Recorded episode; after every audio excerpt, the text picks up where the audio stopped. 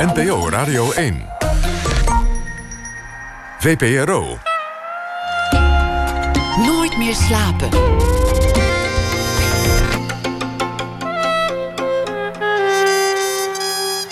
Met Floortje Smit. Welkom bij Nooit meer slapen. Hartjes via de WhatsApp, dat gaat tegenwoordig door als het hoogtepunt van romantiek. Je zou daardoor bijna vergeten dat er af en toe toch nog een ouderwetse liefdesbrief wordt verstuurd. De liefdesbrief die Tara Fallot ontving, die vormde de aanleiding voor haar documentaire Liefdesbrieven. En straks na één uur is zij te gast. Ook nemen we de huidige staat van de seksuele moraal op met Vlaamse historica's, podcastmakers en de schrijvers Anaïs van Ertvelde en Helene de Bruyne. En Luc Iman, die uh, leest een uh, verhaal voor bij het nieuws van de voorbije dag. Maar nu eerst tot één uur is bij mij te gast schrijver Martin Michael Driessen. Die vorig jaar de ECI Literatuur en Lezersprijs won met zijn prachtige verhalenbundel Rivieren. Een laadbloeier eigenlijk, als schrijver tenminste.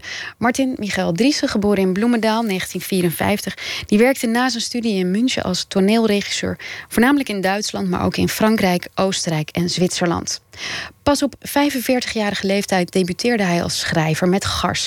Wat hem meteen een nominatie voor de ACO Literatuurprijs opleverde.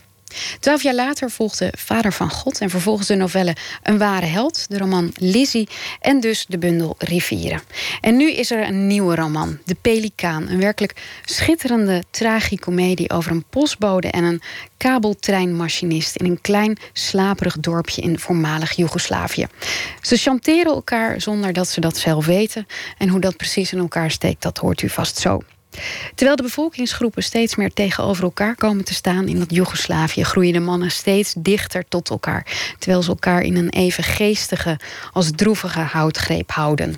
Um, Martin, welkom. Ja, hallo, dag. Um, het, het, eigenlijk zie je in jouw boek heel erg hoe de, de wereldgeschiedenis de levens van mensen beïnvloedt. En daarom wil ik ook beginnen bij jouw leven of bij jou, jou, uh, uh, het begin van jouw leven. Ja. Jouw uh, moeder was Duits en je vader was Nederlander. Ze trouwden drie dagen na de Tweede Wereldoorlog. Ja, dat klopt. Wat voor jeugd heb je dan in Nederland? Dus je gaat gelijk over de wereldgeschiedenis beginnen, als ik het goed begrijp. Ja. En over mijn jeugd. Ja, je combineert het ook in je boeken, dus ja, dat, zou, dat zou moeten dat kunnen ook in een gesprek. Ja, en uit wat je net noemde blijkt het ook uh, hoe de wereldgeschiedenis mijn leven heeft beïnvloed. Uh, want inderdaad. Um, uh, is het zo geweest dat mijn vader was een jonge man en hij was in 1940 en hij was ondergedoken in een tomatenkas in Blijswijk om zich dus te onttrekken aan de arbeidsdiensten. Uh, maar is één keer de straat op gegaan, liep in een razzia en was hij, was hij, was hij, werd hij gesnapt. En toen kwam hij in Duitsland, werd hij te werk gesteld. En daar heeft hij mijn moeder ontmoet. En die werden verliefd? Ja, dat zou ik ze moeten vragen. We gaan daar voor het gemak even vanuit. we gaan er vanuit, ja. Nee, wat er is gebeurd is, mijn vader werd uh, te werk gesteld... maar hij is er heel goed afgekomen, want hij was gekwalificeerd. Hij, hij had een technische opleiding, hij sprak talen, uh, zijn talen. En um, daardoor kwam hij um, te werken bij, um, hoe heette dat, Gelsen Chemie... Dat was een uh, bedrijf dat natuurlijk, nou, zoals de naam al zegt, hè, chemisch. En dat in de, was, uh, maar was belangrijk voor de oorlogsindustrie. En daar werd hij te werk gesteld. En hij werd ondergebracht. Uh, hij had het dus goed. Hè. Uh, is hem veel beter vergaan dan vele andere dwangarbeiders. Ehm, hij werd ondergebracht bij een Duitse familie. En dat was de familie van mijn, van mijn moeder. En daar heeft hij dus mijn moeder leren kennen. En ze zijn inderdaad drie dagen na het einde van de Tweede Wereldoorlog met elkaar getrouwd. Uh, waarover de Nederlandse familie niet zeer verheugd was. Zoals je je misschien kunt ik. voorstellen. Ja. ja. En um, je, woonde in Bloemendaal. Bloemendaal. Ja. Um, je bent geboren in 1954, dus ja. je groeide op in de jaren, in de jaren 50. Ja. Waren mensen nog steeds ook niet heel vriendelijk toch tegen Duitsers? Ja, dat is helemaal waar. Dat is ook. Uh, uh, ik bedoel, het goede dat eruit is voortgekomen is dat ik uh, tweetalig ben opgegroeid. Want mijn moeder kreeg gewoon in Nederland nauwelijks de kans om uh, Nederlands te leren. spreken. Omdat ja, ze werd inderdaad begrijpelijkerwijze misschien, maar ze werd heel erg genegeerd en geboycott. En daardoor werd er bij ons thuis vaak Duits gesproken. Mijn vader sprak vloeiend Duits. Inmiddels spreekt mijn moeder, die nu 100 is, dus ze heeft tijd genoeg gehad om het te leren, spreekt voortreffelijk Nederlands. uh, spreekt het zelfs liever dan Duits, heb ik de indruk. Maar toen was het zo dat zij uh, dus nauwelijks Nederlands konden. En dat betekende dat we thuis ja, Nederlands en Duits afwisselend spraken. Vaak sprak zij in het Duits en dan antwoordden we in het Nederlands en zo. Dat was voor ons heel normaal. Daar heb ik veel profijt van gehad hoor, van die tweetaligheid. Ja? Ja. In, in welk opzicht dan? Nou, dat, dat uh, in vele opzichten. In vele opzichten. Het betekent bijvoorbeeld dat ik een van de weinige vertalers ben, want ik vertaal ook uh, literatuur. Uh, die um, um, zowel uh, van het Engels of het Nederlands naar het Duits kunnen vertalen, als uit het Duits naar het Nederlands. En bovendien maakt het die tweetaligheid het uh, voor mij mogelijk om in Duitsland te gaan studeren en in Duitsland een uh, loopbaan als, uh, als opera- en toneelregisseur te, te beginnen. Tenminste, het vergemakkelijkte dat. Je krijgt misschien ook wel meer taalgevoel. Denk ik ook. Dat zou wel kunnen. Ook. En je begint, en dat is misschien wel het belangrijkste, denk ik, je begint als kind gewoon al heel vroeg over de dingen na te denken. Als je twee versies van alles krijgt twee talen, maar ook van de Duitse familie. Mijn Duitse neefjes, weet je, die even oud waren als ik... waarmee ik aan de vakantie speelde. Hele andere verhalen over de Tweede Wereldoorlog... dan ik van mijn, uh, van mijn Nederlandse familie hoorde. En dan begin je als uh, klein jochie van vier of vijf jaar al... begin je na te denken hoe dat komt. Dat er twee verschillende versies zijn. En welke is dan waar en welke niet. Uh, nou, een soort uh, dialectisch uh, denken wordt dan al heel vroeg in gang gezet. Ik heb daar alleen maar profijt van gehad. Ik kan het iedereen aanbevelen. Voed je kind tweetalig op. Maar het is ook ingewikkeld als je twee verhalen krijgt. Als kind wil je gewoon horen wat goed is en wat slecht is. En, nuances en grijstinten. Dat, dat komt later wel. Dat is waar. Was dat een vraag? Ja, dat was de vraag. de vraag is of je daar dan misschien last van nee, hebt gehad. Nou, het, het heeft, uh, denk ik, het leven complexer gemaakt van het begin af aan. Maar ik zie daar, uh, artistiek gezien, kan ik daar alleen maar uh, winst in zien. Was je ook het, uh, een beetje het Duitse jongetje dan in Nederland, als je op school zat en zo? Ja, ja wel, maar ik ben natuurlijk wel uitgescholden van mof en zo. Maar dat heeft niet zoveel indruk op me gemaakt. Ik denk dat mijn oudere broer, hè, ik heb een broer die, uh, die is 4,5 jaar ouder... en die, die had er meer last van. Ja. Het was toen nog, uh, dus ja, voor hem een beetje... Het was korter na de, na de, na de oorlog na de, na de bezetting. En die, die is, uh, geloof ik wel meer onder geleden dan ik. Dat hij uh, werd uh, gepest of gestigmatiseerd. Ik heb er niet erg veel last van gehad. Jij, jij hoorde gewoon helemaal in de groep? Nee, nee. ik hoorde... ik, ik denk dat het eerder zo is dat ik van het begin af aan het gevoel had... dat ik toch nergens bij hoorde. Maar, Wat tot op de dag van vandaag zo is. Waarom, waarom had je dat gevoel, denk je? Ja, kijk, het uh, uitlokken van voorspelbare vragen is een hele slechte gewoonte van me. dat heb, ik nu net weer gedaan, dat spijt me. Ja, uh, ik weet het niet. Ik denk dat er, ik denk dat er veel kinderen zijn hè, die, uh, die het gevoel hebben dat ze anders zijn dan alle anderen. Misschien heeft elk kind dat wel op een gegeven moment. Het gevoel dat je eigenlijk niet bij ouders hoort. Of dat je Stiekem misschien een prinses. ondergeschoven Indische prinses bent. Ja. Je zegt het. Ja, ja, ja, dat idee. Nou, en dat um, gevoel had ik ook. En um, dat heeft me eigenlijk, um, eigenlijk nooit verlaten. Omdat ik er uh, niet bij hoor. Dat je anders bent dan anderen? Ja, dat ik anders ben, ja. En ja. nou, oké, okay, je weet nu dat je geen Indische prins bent. Weet je dat echt zeker? Nou, ik zie er niet zo uit. Nee, dat is waar. Nee. Maar wat, wat, wat denk je dat, dat je dan anders maakt dan anderen? Nou, dat was nou juist de zoektocht. Hè? Dat is eigenlijk misschien ook wel de kunstenaarsbiografie. Want je denkt als kind, hè? Je, je, bent, je bent anders dan anderen. En dan vraag je je af wat de reden is. En uh, ik dacht, ehm, ja, misschien is het omdat je heel bijzonder bent. Maar waarom? Ik bedoel, ik kon echt niet beter voetballen of zo dan mijn klasgenootjes. Integendeel. Dus zocht ik naar andere redenen. Eigenlijk is het een lange zoektocht geweest naar een rechtvaardiging voor het feit dat ik het gevoel had dat ik er niet bij hoorde en dat ik anders was. Moest ik op de een of andere manier rechtvaardigen. En uh, mm, toen dacht ik op een gegeven moment, nou, misschien is dat uh, uh, gewoon omdat je een geniale kunstenaar bent. En toen heb ik mijn best gedaan om dat te worden. Daar ben ik nog steeds mee bezig. Ben je dan, dan ben je dus ook wel opgegroeid met heel veel kunst en boeken, kan ik me voorstellen. Want anders kom je niet op dat idee. Nou, mm, viel wel mee, hè, of tegen, hoe je het bekijkt. Er was, uh, mijn ouders, bij mijn ouders werd, werd gelezen. Er was een, grote boekenkast die ik nog steeds bezit. Prachtig, met, met uh, van zwaar eikenhout, weet je, met geslepen glazen deur, deuren erin. Heel mooi. En in die boekenkast stond Duits en stond Nederlands. Ook een beetje Engels. En daar stonden er grote Duitse klassiekers in. Er stond een grote Brockhaus-encyclopedie uit de dertiger jaren in. Um, uh, waarvan de delen uh, F en G, geloof ik, ontbraken. Wat me veel kopzorgen heeft bezorgd. En mm, daar heb ik heel veel aan gehad, aan die, aan die boekenkast van mijn ouders. Uh, stond ook Andersen in. in die encyclopedie, um, daar stonden sterretjes bij alle joden. Want dat was een brokhuis uit de dertiger jaren. En vroeg me als kind af, uh, waarom staan er sterretjes bij die namen? Vroeg ik aan mijn vader, dan legde hij me uit. Ja, dat was omdat dat joden waren.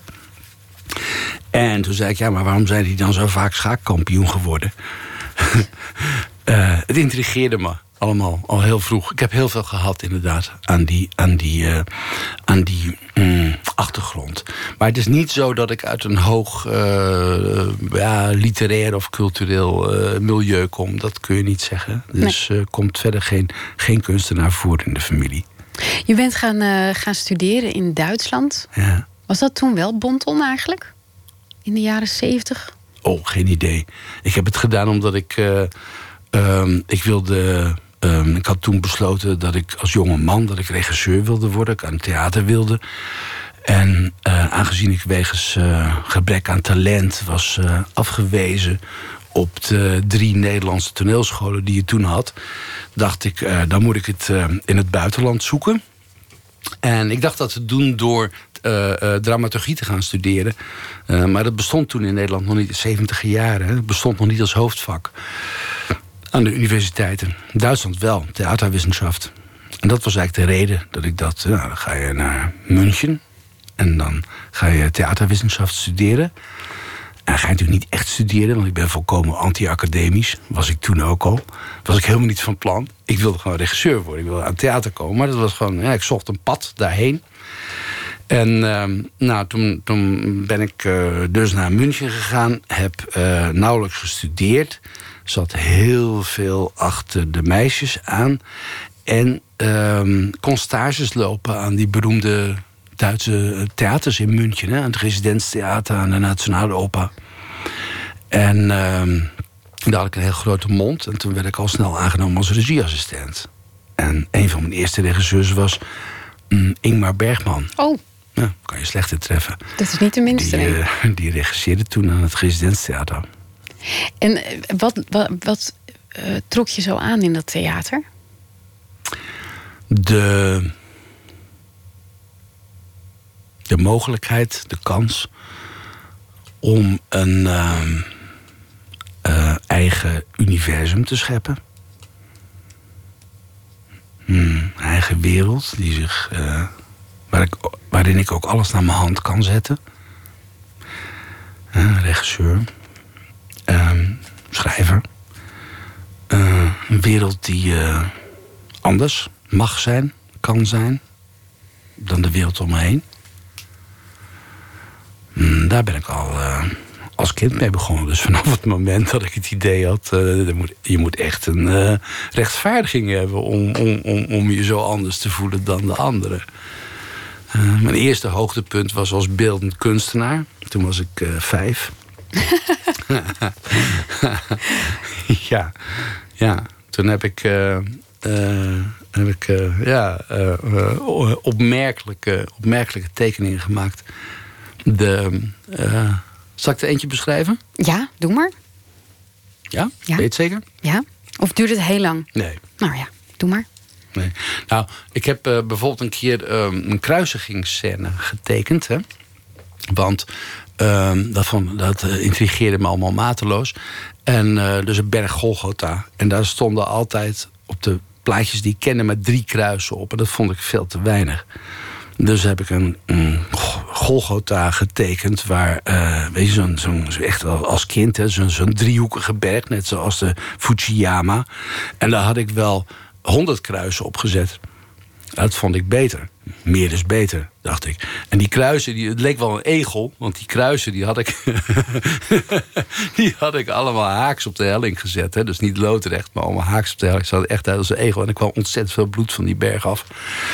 En, uh, de, en, dat, ja, en die tekening die is, uh, die is zelfs uh, tentoongesteld... Uh, op een, op een ja, expositie van kindertekeningen in Offenbach am Main... Uh, door bemiddeling van een Duitse tante van me. En ehm, ja, die is verdwenen. Die heb ik helaas nooit meer teruggezien. Dat is Duitse roofkunst. Ja. We gaan, uh, we gaan naar muziek. Um, het is het, uh, het dat is het tijdperk waarin de aarde de gevolgen van de mensheid ondervindt. Maar het is ook de titel van uh, het nieuwe tweede album van de Amerikaanse singer-songwriter Peter Oren. Um, op die plaat staat dit nummer, River and Stone.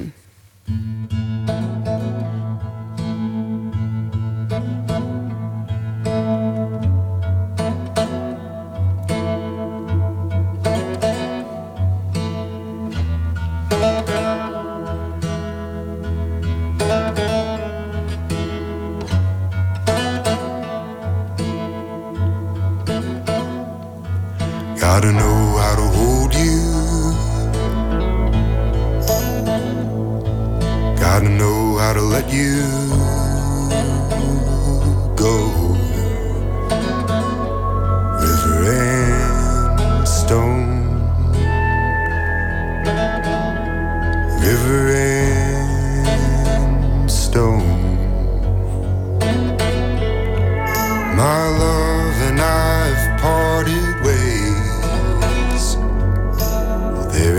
much for me to say. So goes the river unto its home. So grows the moss upon the stone.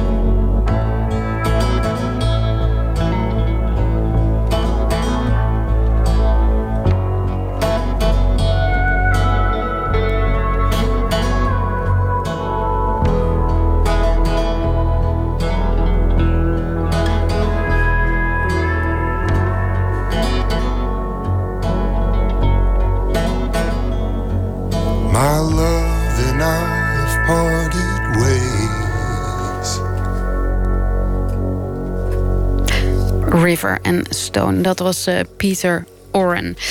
Um, um, Martin uh, Michael Driessen, wij hebben net al gesproken eigenlijk over je jeugd... en over hoe je bent opgegroeid met een uh, Duitse moeder en een Nederlandse vader. Dat je als kind al dacht, ik word een kunstenaar, een groot kunstenaar... want ik voel me zo'n buitenbeentje, dus dat moet haast wel. En um, we hebben al een klein beetje gepraat over jouw liefde voor theater. Maar dat heb je eigenlijk ehm, vrij rukzichtloos aan de kant geschoten, eh, geschoven, toch? Toen je schrijver werd. Ehm, en je werd schrijver eigenlijk op het moment dat jouw zoontje overleed. Ja. Waarom werd je toen schrijver? Wat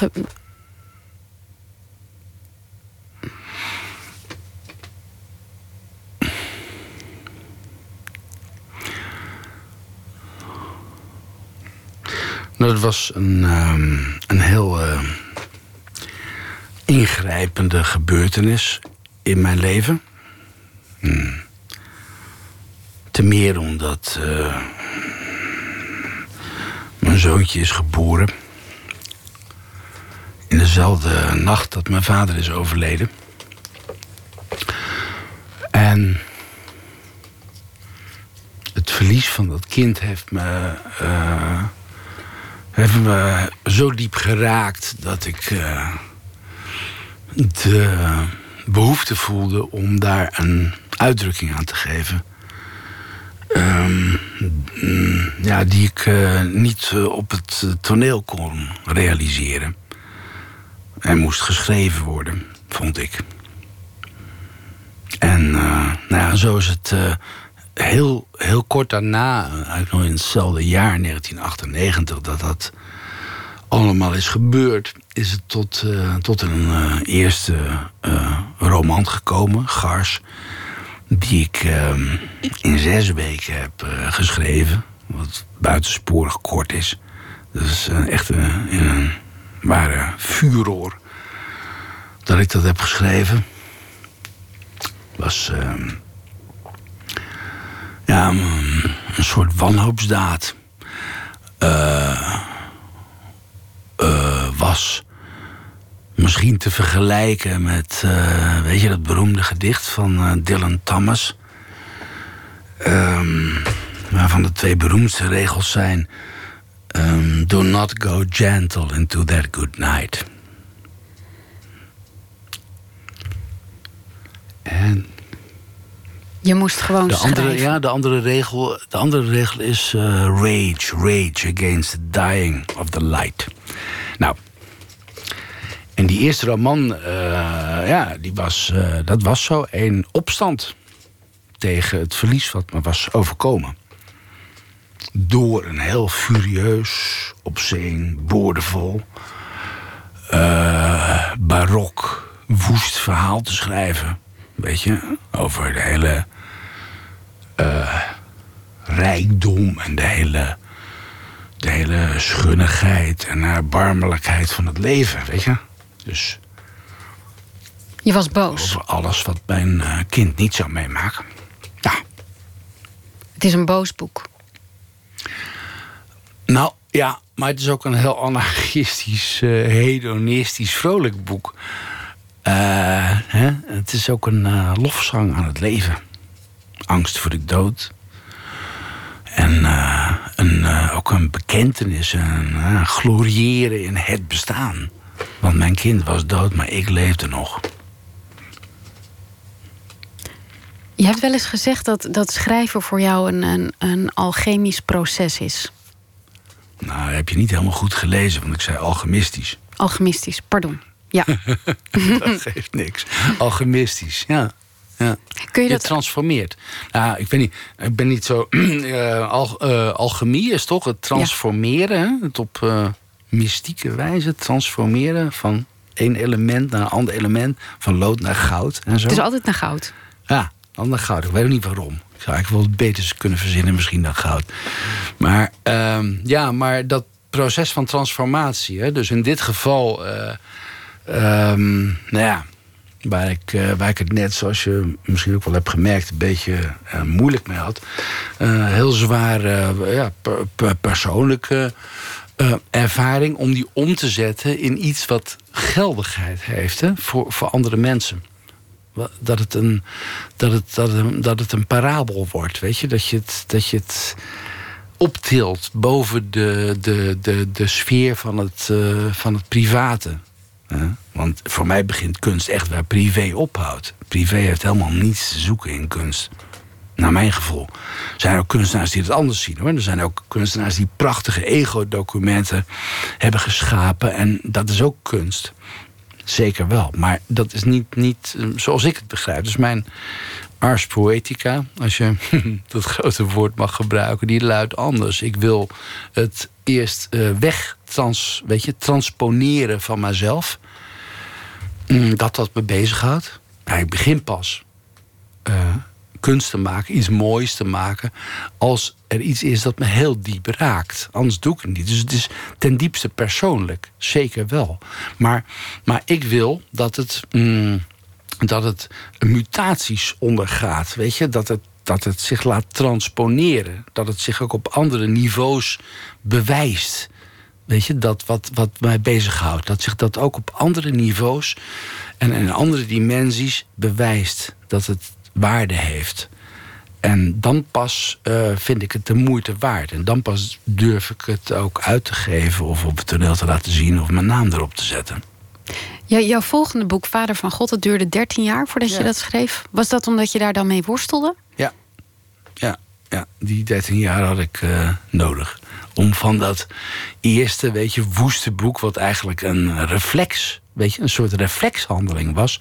op het verlies, hè, op de rouw uit rouw geschreven. Dus als reflex op het verlies, op het wat ik voelde onbegrijpelijk onrecht dat me, dat me werd aangedaan. Die vreedheid van het noodlot.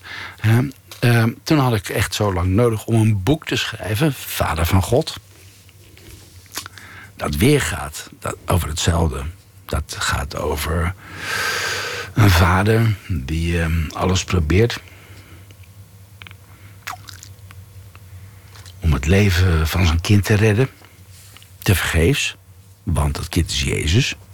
En die wordt aan het kruis genageld. Er is zoiets als een onontkoombaar noodlot.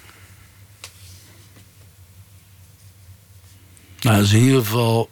mm, wat je nu zegt, is in ieder geval de, die vraag of er een onontkoombaar noodlot is. Dat is in ieder geval, en dat heb je heel goed gezien, de, ja, dat is de thematiek waar ik me mee bezig hou. Of dat zo is, of het echt onontkoombaar is, of dat we dat alleen maar denken. Was je na dat boek, eh, wat dus eigenlijk ook over, ehm, over een vader-zoon relatie gaat, ehm, was je daarna vrijer om te schrijven? Ja, omdat het me het moeilijkste, wat voor mij het moeilijkste was, dat was op dat moment gelukt. En toen dacht ik, nou, nu ben je schrijver. Nu, nu kun je het. Nu kun je ook andere verhalen vertellen. Als me dat niet was gelukt, en ik heb vaak gedacht hoor, in de loop van die twaalf jaar, dat ik zou falen, dan had ik nooit meer iets geschreven. En hoe kan je falen bij een boek? Wanneer was het niet goed? Ik begrijp je vraag niet. Nou, je zei, ik heb een aantal keer gedacht dat het niet zou lukken met Ja. dit boek. Ja. Zit je dan gewoon vast qua verhaal? Of ligt de emotie er te dik op? Of, of kon je het niet goed vertalen? Och, er zijn miljoenen manieren om te falen. En er is maar één manier om het goed te doen. En die moet je vinden. Ja. We zijn hier eigenlijk eh, om te praten over jouw nieuwe boek. De Ja, Pelikaan. graag. Je flirt ook meteen weer op. Ja. Ehm, het is eigenlijk een soort eh pas de deux, vond ik. Tussen de postbode André en, Ja. en Jozef, de bestuurder, ja, of de, eigenlijk de machinist van een, eh, een kabeltreintje. Ja. Mhm. Verder geen toerist meer vervoert. Mhm. Ehm, en ze chanteren elkaar. Maar misschien kan jij het beter uitleggen dan ik. Ja, ja, ja. Je, zei, je zei het een beetje vluchtig. Ze chanteren elkaar. Zei je? Ze chanteren elkaar. Ja, dat is zo. Het zijn... ehm, ja, dat zijn die twee mannen die, die, die, die chanteren inderdaad elkaar. Dus de een chanteert de ander zonder dat hij weet dat die ander, zijn slachtoffer, tegelijkertijd degene is die hem zelf chanteert. Dus dat is een heel hermetische parabel die ik heb bedacht. Eh, ja, want, want hoe meer de een van de ander eist, weet je, hoe meer moet die weer eisen van zijn slachtoffer om dat te kunnen betalen. Dus- het is een, een, gesloten boekhouding. Hè? En het is inflationair, zoals gezegd. Want hoe meer de ene eist, hoe meer moet de ander opbrengen. En zo hebben ze elkaar in een wurggreep. En dat is uh, een beetje pessimistisch, maar ook uh, komisch, uh, komisch mm, beeld van menselijke of human bondage. Menselijke afhankelijkheid. Het is een bijzonder geestig boek, vond ik Mm. ook. Uh, ik vond het ook uh, droef. Is ergens. het ook? Is het ook? Um, en wat ik er ook heel mooi aan vind, is je, je plaatst het in een klein stadje. Het heeft geen naam. Ja. Het is in voormalig Joegoslavië. Ja. Um, en het, ik, zie, ik zag het helemaal voor me. Ik zag het pleintje voor me. Fijn. Waar, oh, wat fijn. Want dat is. Dat ik is, had er ook zo een plezier in. Uh, uh, dat, dat stadje uit, uh, uit, te vinden. Want het bestaat niet uh, concreet. Uh, maar ik had er zoveel ja, genoegen in. Dat beschrijven. Hè? Dat haventje met die vissersbootjes. En die boulevard met die stoffige palmen.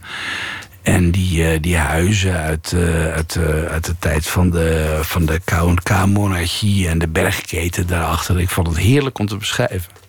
Je houdt ook wel van de omgeving. De omgeving Ja. en de geschiedenis. En het fietst altijd dwars door die levens van die mensen heen. Die mensen zijn nooit uh, alleen maar personages in een soort losstaand. Als je begrijpt wat ik bedoel. Ik denk ook wel dat, dat ik begrijp wat je bedoelt. Dat is inderdaad voor mij heel belangrijk. Als ik me niet kan voorstellen, misschien is dat ook de regisseur in mij, maar als ik me niet kan voorstellen in welk licht ze zich bewegen, in welke landschappen, tussen welke muren, dan kan ik ze niet beschrijven. En daarom was de, ja, de, de, het imagineren van dat stadje. Ik was met mijn ouders in de zestiger jaren wel eens op vakantie in Joegoslavië. Aan de kust was toen een zeer geliefde vakantiebestemming. En daar heb ik uh, op het eiland Gvar. Uh, heb, heb ik dat, dat, weet je, die Kroatische kust uh, leren kennen. Nou, was ik nooit vergeten. Ik ben natuurlijk een jaar geleden nog een keer teruggegaan voor twee weken om mijn herinneringen op te frissen. Hè? De zinnelijke indruk van die rotsen en van die zee en van de geur aan het strand en zo. Uh, maar inderdaad, dat is voor mij heel belangrijk. Was het vast volledig anders, of niet? Nee. Was het precies zoals je het had uh, bedacht? Het landschap wel. Maar ja, rotsen en zee uh, heb je al een paar miljoen jaar voor nodig hoor, voordat die veranderen. Ja. Het speelt zich af in, in Joegoslavië. Ja. Um, en je houdt wel van, van een soort uh, vervlogen ja, dynastieën of, of, of landen of, of gebieden die er niet meer zijn. Je spaart ook vlaggen. Van... Hoe weet je dat? ik weet alles. Uh, maar je spaart vlaggen van, van juist landen die ja, niet meer bestaan. Vlag. Ja, ik heb ja. een vlaggenmast opgericht hè, op, de, op, de, op de steiger van mijn, van mijn woonark. En daar hijs ik uh, heel, heel vaak uh, uh, weer andere historische vlaggen. Het zijn eigenlijk allemaal historische vlaggen. En nu, uh, zoals je zult begrijpen, wappert uh, de vlag van de Communistische Republiek Joegoslavië. Die hangt er nu ja. deze week. Ja, die heb ik uh, cadeau gekregen van mijn uitgever van Oorschot. ter gelegenheid van het verschijnen van het boek. En die wappert nou in het donker. Of hij hangt in de regen te druipen, dat weet ik niet precies. Maar, maar wat fascineert jou aan, aan dat soort ja, vervlogen nou, mm, het is. Um, um, als ik het uh, wat, wat strenger mag terugkoppelen aan, aan, aan, aan, mijn, aan mijn schrijven. dan is het zo dat ik mijn verhalen graag transponeer. Dat woord gebruikte ik al. Hè, naar, ja, naar een andere tijd. en of naar een ander land.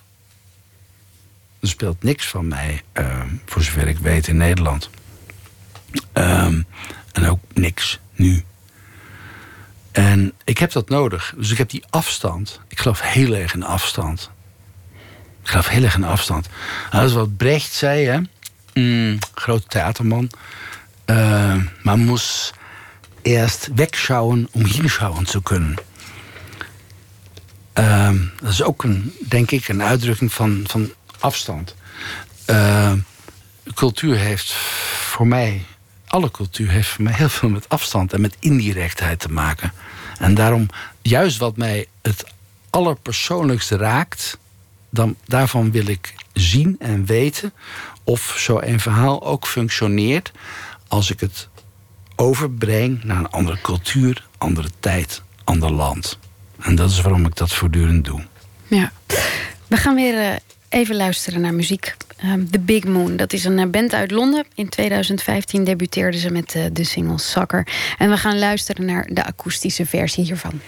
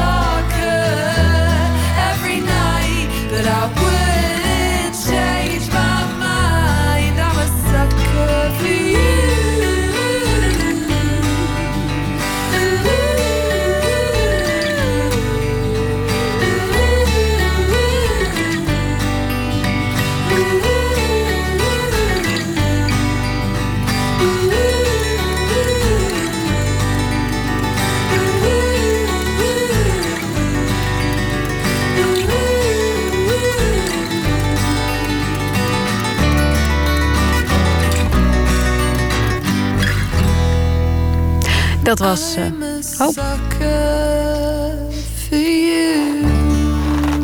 Ja, dit was dan echt zakker van uh, The Big Moon, een uh, band uit Londen. Um, ik uh, zit nog steeds tegenover Martin Michael Driessen. We hebben besproken over hoe, hoe je opgegroeid bent, hoe je schrijver bent geworden. En we zijn ja. nu eigenlijk aangekomen bij je nieuwe boek, De Pelikaan. Over twee mannelijke hoofdrolspelers die elkaar chanteren. Ja. Um, um, wat ik grappig vind of interessant vind aan, uh, aan al je boeken, is dat er een soort. Uh, ja, een toeval of een, een, lot of een soort ja, duivelse samenloop van omstandigheden eigenlijk altijd roet gooit in het eten bij al die mensen. Um, in dit geval bijvoorbeeld, je hebt de postbode André en je hebt mm. Josip. Ja. Um, uh, André chanteert Josip. Ja.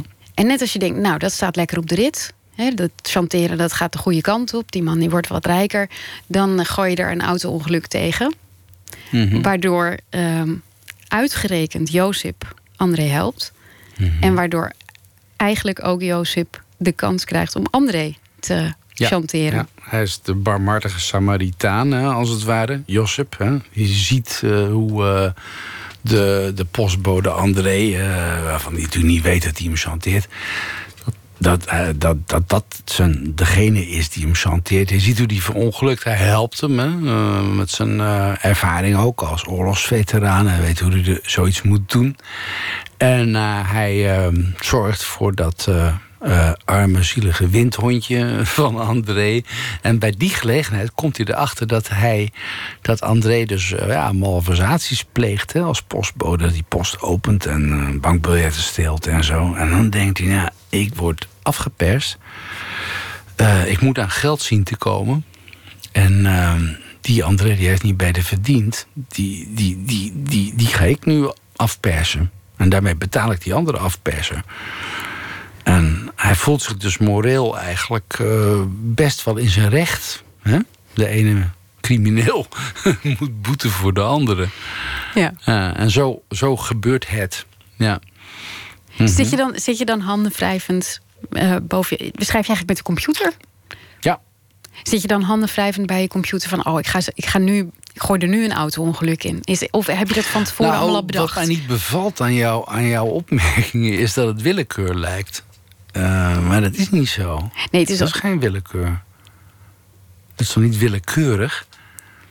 Ja, wa- wa- wat wel klopt is dat, de- ja, dat de mensen in mijn verhalen... die zijn, die zijn, ehm, die zijn vaak eh, ten prooi aan iets onontkoombaars. Hè? En dat komt eh, heel vaak uit hun eigen persoonlijkheden. En ehm, soms is het de wereldgeschiedenis, is het echt noodlot, waar tegen zich niet kunnen verzetten. Maar dat is inderdaad wat me interesseert. Wat, hoe mensen zich gedragen hè, als ze worden geconfronteerd met iets wat onontkoombaar is of schijnbaar onontkoombaar is. Ik bedoel, eh, al het andere is gratuit. Zolang je kunt doen waar je zin in hebt, eh, is het leven, vind ik, volkomen onbelangrijk. Belangeloos. Je weet pas wie je bent en waarvoor je staat wanneer je zelf geconfronteerd wordt met iets waar je niet onderuit kunt. Wat of sterker is dan jij, hè, zoals de wereldgeschiedenis. Of eh, eh, de kracht van de stroom in rivieren. Hè. En, eh, maar het kan ook stom toeval zijn, natuurlijk. Eh, en, dan, en dan moet je je verhouden. En dan toont zich wie je bent. En in die benarde positie breng ik, eh, breng ik eigenlijk al, al mijn figuren. Ja, het is ook zeker geen willekeur. Ik zie ook dat je er zeker plezier in hebt om, om de, je Jawel, personages in die er, posities te brengen. sardonisch plezier in. Om het zo moeilijk te maken. Ik ik bedoel, de Pelikaan heb ik de ondertitel gegeven: een komedie. Nou, dat is niet voor niks. Ik heb er plezier in. Ik bedoel, comedie, zoals ik natuurlijk ook als theaterman weet, heeft ook wel heel veel met leedvermaak te maken. Gelukkig niet alleen. Comedie is, is veel meer en veel groter.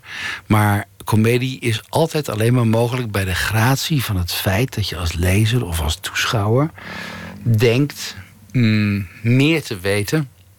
Of nou, je weet meer dan de, de, de, de, de, personages waarnaar je kijkt. En net zoals het zo is, denk ik dat wanneer. Kijk, wanneer je naar, een veulentje in de wei kijkt... Hè, of een eh, jong poesje wat speelt en van de tafel afdondert... of naar een kleuter die probeert de wereld te ontdekken... Hè, dan kan dat ook gevoelens van vertedering oproepen. Hè. En het is niet alleen maar leedvermaak... maar je voelt je wel eh, eh, zelf ja, verheven, weet je, boven degene die je gadeslaat. En dat is precies het perspectief van de komedie, denk ik. En in de Pelikaan, hè, die dus volgens mij een komedie is, zie je als lezer de, zich de, de, de comedy of errors, de comedy humaine, eh, ontvouwen van twee mannen die verstrikt zijn. Ook nog klunzen ook. Hè. Ze zijn allebei sukkels in hun liefdesleven. Eh, ze begrijpen helemaal niets van vrouwen. En eh, ze zijn verstrikt in, een, in, een, in een, een klein, eigenlijk vermijdbaar en overbodig conflict. En dan rolt de Balkanoorlog aan, die hun hele stadje zal verwoesten. En aan het einde is iedereen dood. Ik vind het erg komisch. maar het is ook een beetje alsof. Uh, want jij hebt dus uh, het noodlot of, of de wereldgeschiedenis of zo. Dat, ik, het is bijna alsof je als een soort. Godheid boven die boeken zit. En die mensen die klooien maar wat aan. En jij bepaalt: oké, nu hier is het het is alsof je op die manier een soort greep wil hebben op die, die wereld. Alles is, het is de wereld die jij helemaal ah, gebouwd hebt. Je bent het is... nou in het uh, psychoanalytische stadium aangekomen, geloof ik. Wat mijn schrijverspersoonlijkheid betreft. Nou, ik heb het zelf uh, uh, gezegd, dus ik kan het je niet kwalijk nemen. In het begin van dit gesprek zei ik zelf de behoefte weet je, om een wereld te scheppen. die anders is dan de wereld om je heen. En een wereld waarin je zelf alles kunt bepalen. Als een soort demiurg. Uh, dat heb ik zelf uh, een uur geleden, bijna een uur geleden gezegd. Dus uh, ik, kan je niet, ik kan het moeilijk logenen. Ja. Wat is er fijn aan die controle?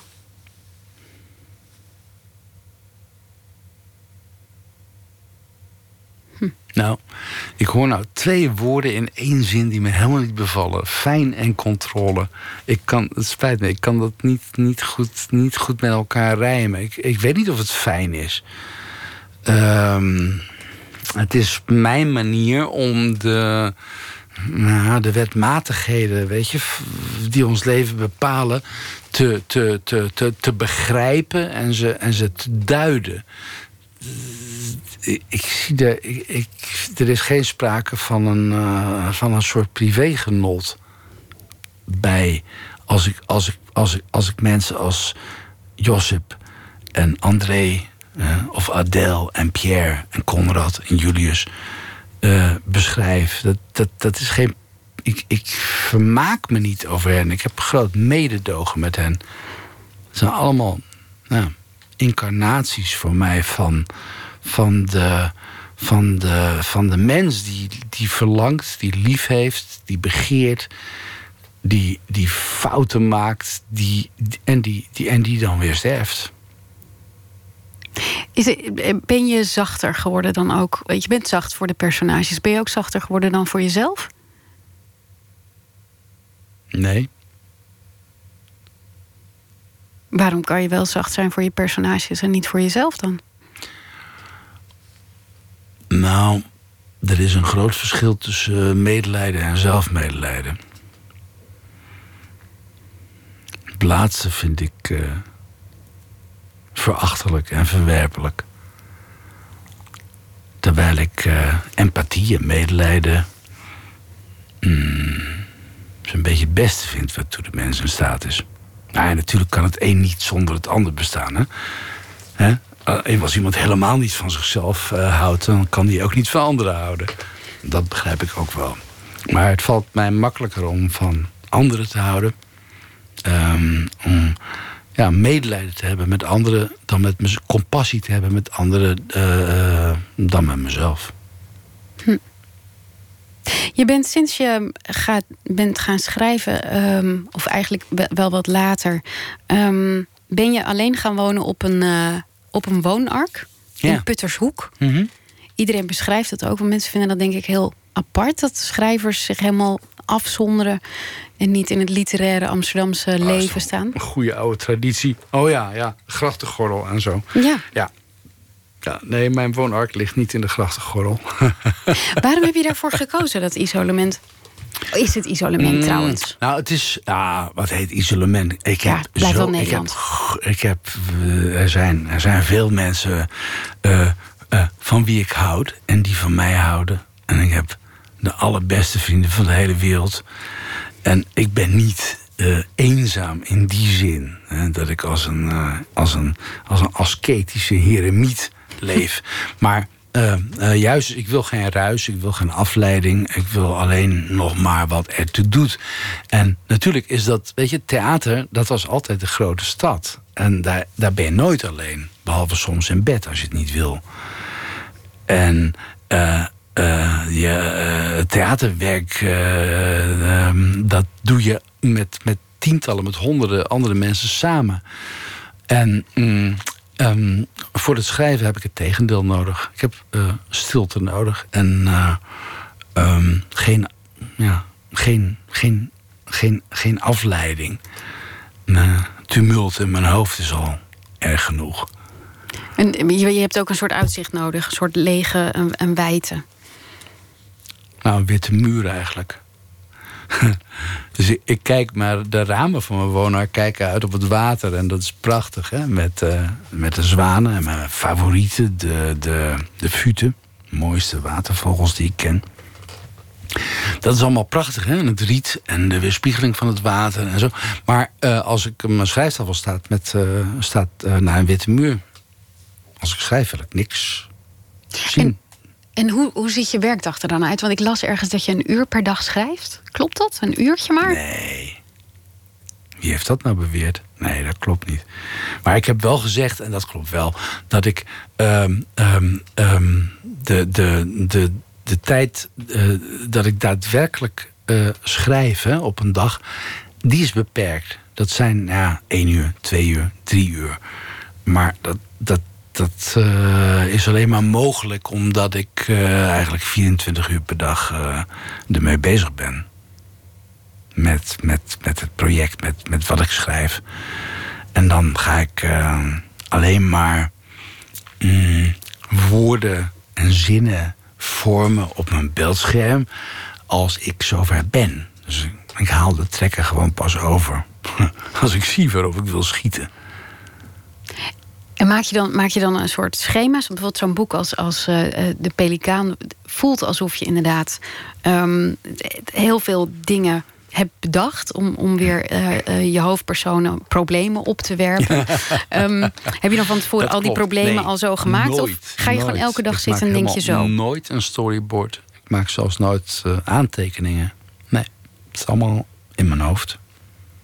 En hoe, wat je zei, ik heb er ook heel lang over gedaan dan om dat stadje te ontwerpen. Is dat dan, um, dat zit, alles zit dan op een gegeven moment in je hoofd. Dat moet wel af zijn, neem ik aan. Uh, nou, kijk, je, je, je, je, tipt nou iets aan dat, dat voor mij tot de grootste raadselen behoort. Hè? Want voor mij is, is kunst, kunst maken, um, dit, dit schrijven wat ik nou doe, dat is een, een, een fusie van, van, van alles wat totaal onberekenbaar is. En wat je alleen maar intuïtief kan, kan doen. En luciditeit, controle, uh, vormgeving. En, en dat is een heel spannende wisselwerking. Hè? Dat, uh, begrijp je, dat is het samenspel. Uh, voor mij, waar het allemaal uit bestaat. Ik maak nooit storyboards, ik doe helemaal geen research. Helemaal nooit. Kom nooit verder dan Wikipedia. Ja, natuurlijk, feiten moeten kloppen. Natuurlijk zoek ik wat op. Hè. Uh, oh, ik wil de lezer niet irriteren en, en, en hem uh, een beetje het vertrouwen van de lezer verliezen door stomme fouten te maken. Dus natuurlijk controleer ik de, de feiten, maar ik schrijf uitsluitend uit mijn verbeelding. En um, ja, maar dit is wel heel spannend hoor. Want het is eigenlijk zo dat je, ik durf wel de, uh, de, de oceaan op en, uh, om, om uh, rond Kaap Hoorn te zeilen. Ik durf wel de eigen Noordwand op te klimmen. Maar alleen als ik een heel goede uitrusting heb. Als ik een heel goed schip heb. Of hele goede kompassen en bergschoenen en touwen en kaarten en informatie heb. En, maar het blijft onberekenbaar, levensgevaarlijk en misschien overleef ik het niet. Maar het is voor mij, weet je, die wisselwerking tussen wat je niet weet, wat je. Uh, het is elke dag weer onvoorspelbaar als je gaat schrijven. Het is onvoorspelbaar. Het is, uh, vind ik, angstaanjagend. Ja. Maar het is ook de, weet je, de schoonheid van de, van de, van de controle. Een, als een, als een uh, hmm, kom ik alweer met een. Uh, met een, met, met een sportvoorbeeld. Als een torenspringer, weet je, die van de 10 meter toren springt. Hij, in feite stort hij neer. In feite valt hij gewoon. Maar het is van een schoonheid, van begin tot einde. Weet je, die tijdens dat hij valt, wordt. Tijdens die val wordt er schoonheid geboetseerd. Ja, zoiets is het. Maar waar begint een boek dan? Bijvoorbeeld de Pelikaan, waar begint zoiets dan mee? Begint dat gewoon met dat je iets gaat schrijven? Of begint dat toch met een soort vaag idee? Ja, ik had een idee. Ik had het idee van die parabel van twee mannen, weet je, twee mensen die elkaar in wederzijdse afhankelijkheid brengen. Zonder dat ze er veel plezier aan beleven. Dat was het, ja, het uitgangspunt. En, en ook wist ik wel tegelijkertijd dat ik dat dan weer wilde laten inhalen, weet je. En overstelpen en meesleuren door iets wat veel groter was. Een oorlog, een echt noodlot. Iets wat er echt toe doet. En wanneer weet je of een idee uh, goed genoeg is voor een boek? Is dat iets waar je, waar je dan ook uh, gaanderwijs achter komt? Maar meestal, dat is zo'n soort uh, blikseminslag. Als, als zo'n, denk ik, namelijk als je, weet je, zo'n zo een idee hebt, uh, zo een, uh, uh, zoals dat van die parabel, hè, van, die, van die twee mensen. En als, als, als je dan als ik dan ook de locatie vind, de setting vind in mijn fantasie. Dat ik denk van ja, die stagnerende samenleving in dit geval hè, van uh, het uh, Joegoslavië na de dood van Tito, eind tachtige jaren. het begon eigenlijk al te eroderen, aan elkaar te vallen. Het zou niet meer lang meer duren. En dan heb je zo'n uh, ja, en dan uh, zo'n zo mooi uh, idyllisch stadje aan die Adriatische kust. dan, dan, dan heb dan, um, ja, en zo'n zo'n ja, zo'n samenleving waar geen kansen zijn eigenlijk om iets anders te doen dan, dan ze doen. Ja, op het moment dat die twee dingen samenkomen, hè, dus dat, dat initiële idee. Die exposé, dat exposé eigenlijk van die, van, die, van die parabel van wederzijdse gebondenheid. En dan de juiste omgeving en de goede oorlog op het goede moment. En dan komt de rest allemaal vanzelf. Komt het goed. Hoe lang heb je er dan over gedaan, over de pelikaan? Anderhalf jaar. En is dat dan nog een kwestie van. Schrijf je dan in één keer of moet je dan nog heel veel schrappen? Nou, ik schrap meestal al uh, voordat ik begin te schrijven. Dus ik hoef naderhand niet meer veel te schrappen. Dat is een intrigerende opmerking. Ik, je boek, uh, De Pelikaan, uh, is, is een prachtig boek, een grappig boek. Uh, ja. Dankjewel, Martin Michael Driessen. We gaan er even uit voor het nieuws van 1 uur. Straks zijn we terug met onder andere Tara Falo. Die maakte een documentaire over liefdesbrieven. Graag tot straks.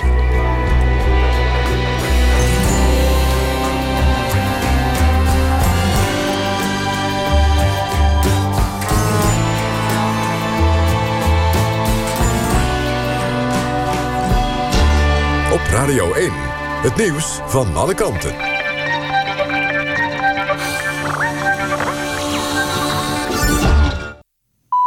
Eén uur, Michel Koenen met het NOS-journaal.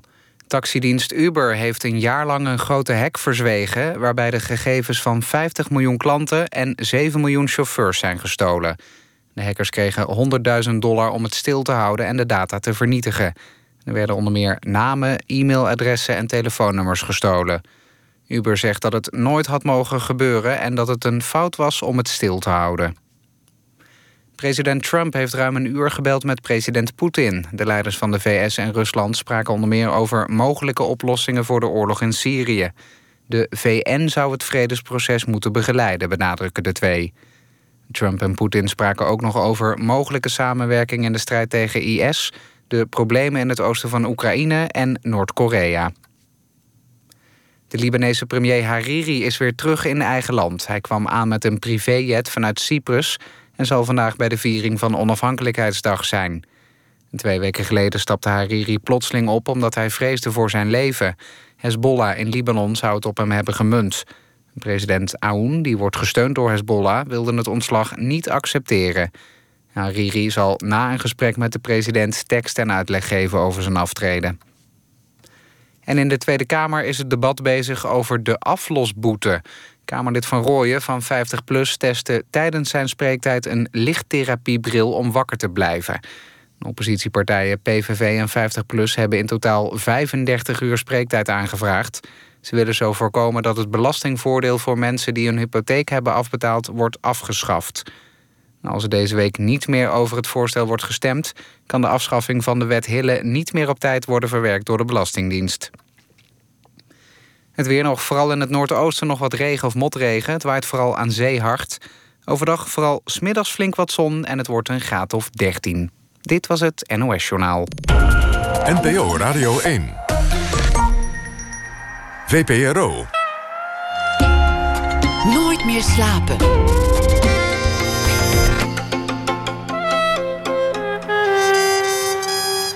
Met Floortje Smit. Welkom bij Nooit meer slapen. Anaïs van Ertvelde en uh, Helene de Bruyne die gingen op zoek naar de huidige staat van de seksuele moraal. Hun speurtocht is nu gebundeld als de verzameling essays onder de titel Vuile Lakens. En straks zoeken we ze op. Tara Fallo die komt uh, dit uur langs. Haar film Liefdesbrieven die ging in première tijdens het ITVA. En ook heeft uh, Luc Imman weer een uh, verhaal geschreven... bij het nieuws van de voorbije dag. Maar we beginnen met wat ons opviel in de culturele wereld.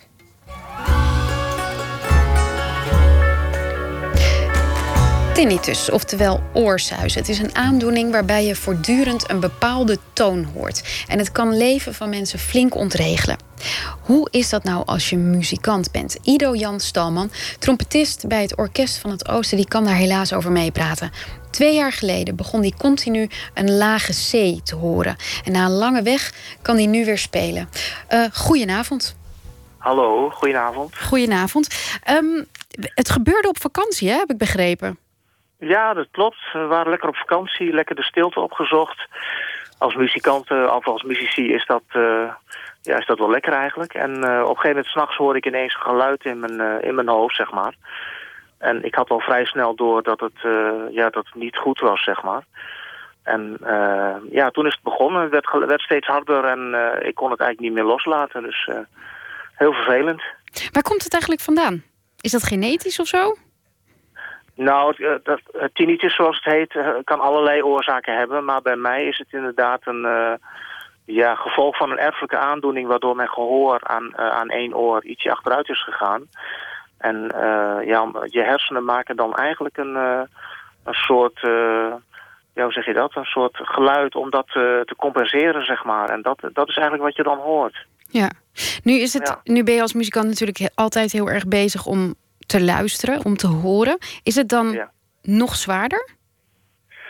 Uh, nou ja, dat is natuurlijk moeilijk te zeggen, maar ik, ik denk het wel. Omdat je inderdaad natuurlijk als muzikus uh, ja, altijd bezig bent met, uh, met geluiden en met goed horen. Met heel precies horen en heel precies luisteren.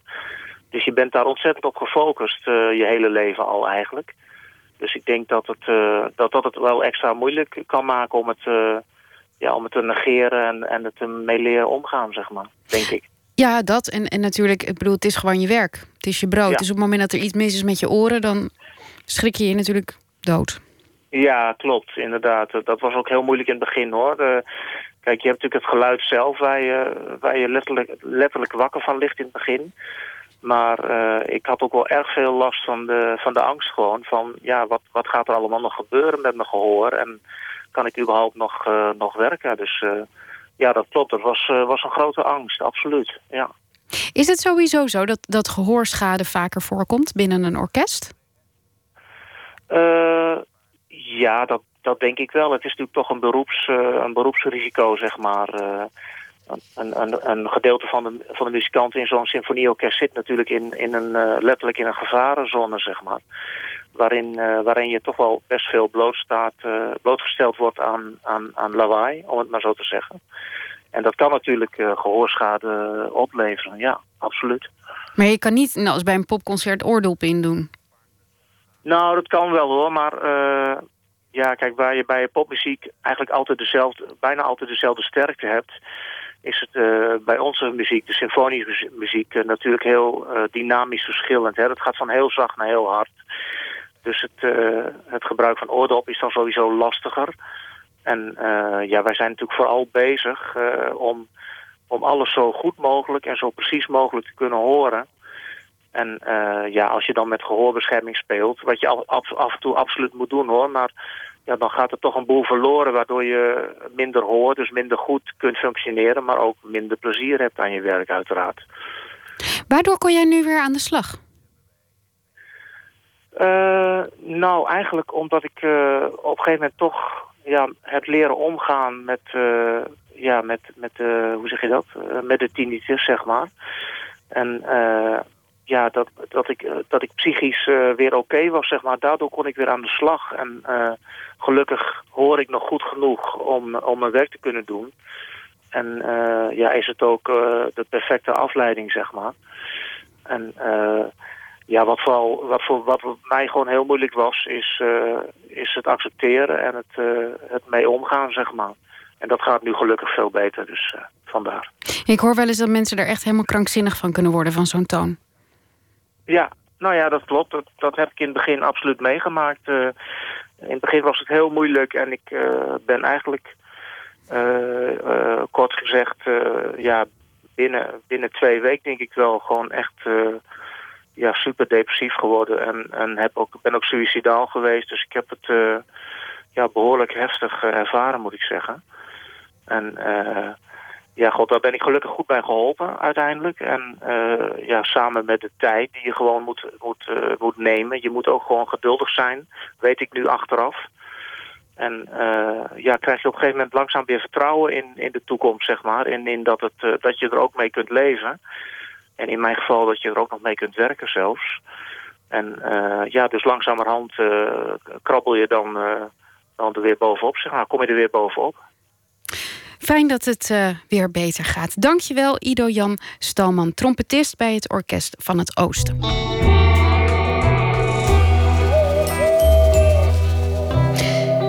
Opereert vanuit Nashville, Tennessee, maar maakt geen countrymuziek. Singer-songwriter Trent Dabbs. Luister naar zijn nieuwe single For the Lonely Ones.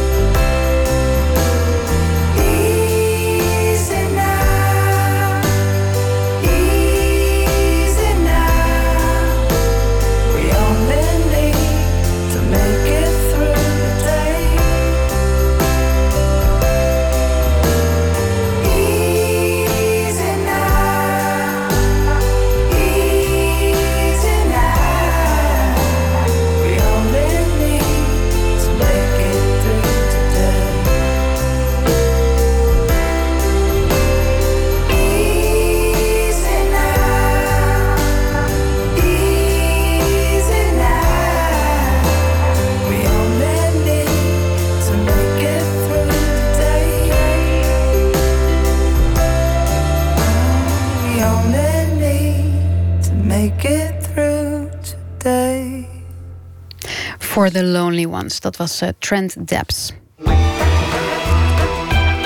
Nooit meer slapen. Het was al een podcast. Nu is er een boek. De Vlaamse historica's, podcastmakers en schrijvers Anaïs van Ertvelde en Helene de Bruyne die hebben hun vrijmoedige speurtochten naar onze seksuele moraal gebundeld in een essaybundel Vuile Lakens. Matthijs Deen die sprak met ze af in de tuin der lusten van de hoofdstad, de Hortus van Amsterdam. We kunnen beginnen.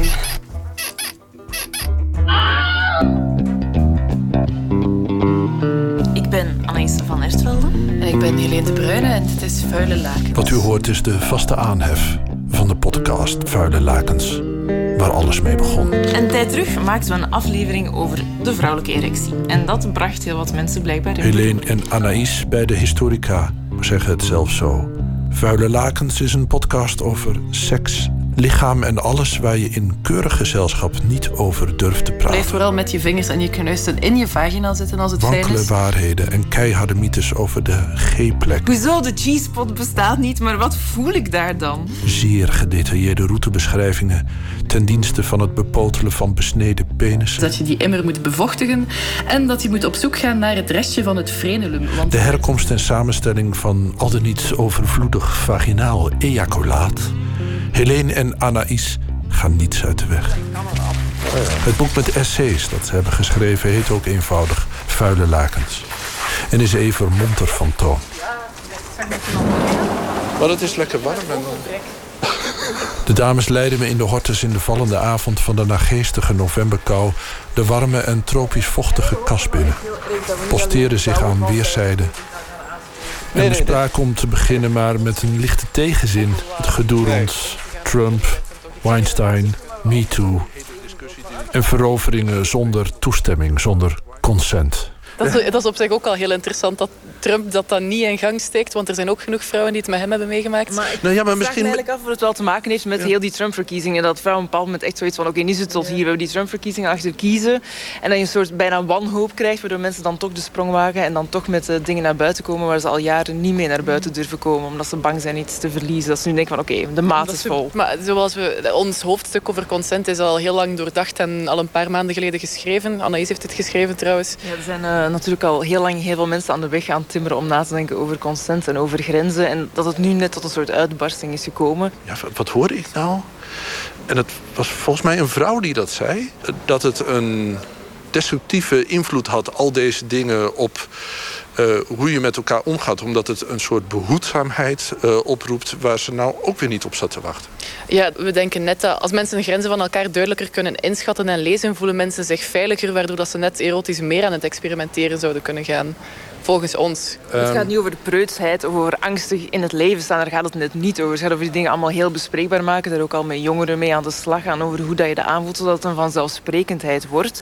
Waardoor die veiligheid, zeker voor heel veel vrouwen, denk ik, belangrijk is om zich te kunnen uiten als erotisch wezen. En dan gecombineerd met het feit dat je vrouw niet gaat shamen voor hun seksualiteit. Misschien dat mannen nu het gevoel hebben dat ze iets behoedzamer moeten zijn, dat ze zich ook nog aan het heroriënteren zijn. Maar voor vrouwen denk ik dat net meer directheid wel mag in deze. Dat vrouwen, Wat bedoel je met direct? dat vrouwen net meer directer zouden kunnen gaan versieren. Directer uiten wat hun verlangens zijn. Zodat ze niet altijd in de ondergeschikte of de rol van de prooi of de rol van het slachtoffer staan. Ja, er wordt van vrouwen vandaag de dag al een behoedzaamheid gevraagd ten opzichte van mannen. Ik denk dat we dat net willen doorbreken door, een, door over consent te beginnen gaan sorry. nadenken. Ja. Als bejaarden vullen we elkaar zinnen altijd aan. Je moet met je micro heen en weer.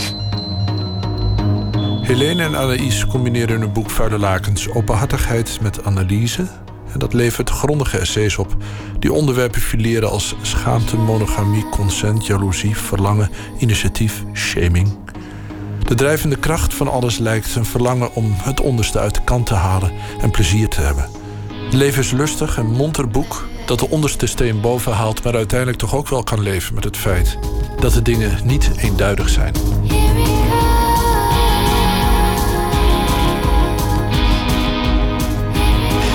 Dat eh, in, eh, in het Vuilakensboek het ook wel duidelijk is dat we zelf worstelen. Ik denk dat dat er ook in naar voren komt. Dat we ons niet als een soort expert, we zijn ook geen seksuologen of zo, naar voren schuiven.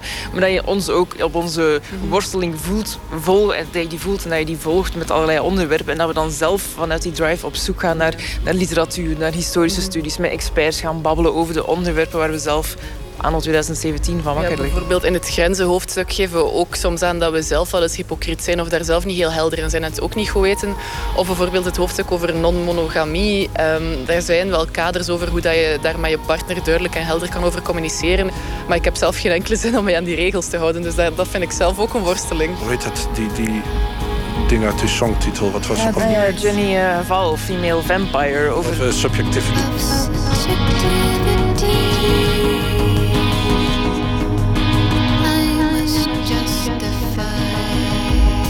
Langs de ene kant gaat die strijd, denk ik, die we nu nog altijd aan het strijden zijn over hoe dat je een soort seksuele subjectiviteit kan opbouwen als, als vrouw. Um, langs de andere kant wil je natuurlijk tijdens seks ook gewoon soms die subjectiviteit verliezen. En wil je gewoon een object zijn of een grote kloppende kut zijn die alleen maar voelt en waarbij de grenzen onduidelijk worden, waarbij de grenzen poreus worden, waar je niet meer weet wie wie is en wat je met wie aan het doen bent. En die dubbele beweging, denk ik dat we die proberen te vatten in het boek. En we proberen denk ik duidelijk te maken dat dat kan. Dat je en consent kunt inbouwen en als een autonoom wezen gezien worden langs de ene kant en langs de andere kant dat je ook dat soort geweldige seks kunt. Uh... Ja, of dat je als feministe uh, kan houden van een onderdanige rol tijdens de seks, maar dan op andere momenten weer niet. Dat dat, dat, dat varieert binnen je eigen beleving en dat dat ook mag. Nou, dat is uh, een hele klus. Ik, ik, ik, uh, is het moeilijk? nee, dat, nee. nee. nee. op de planten.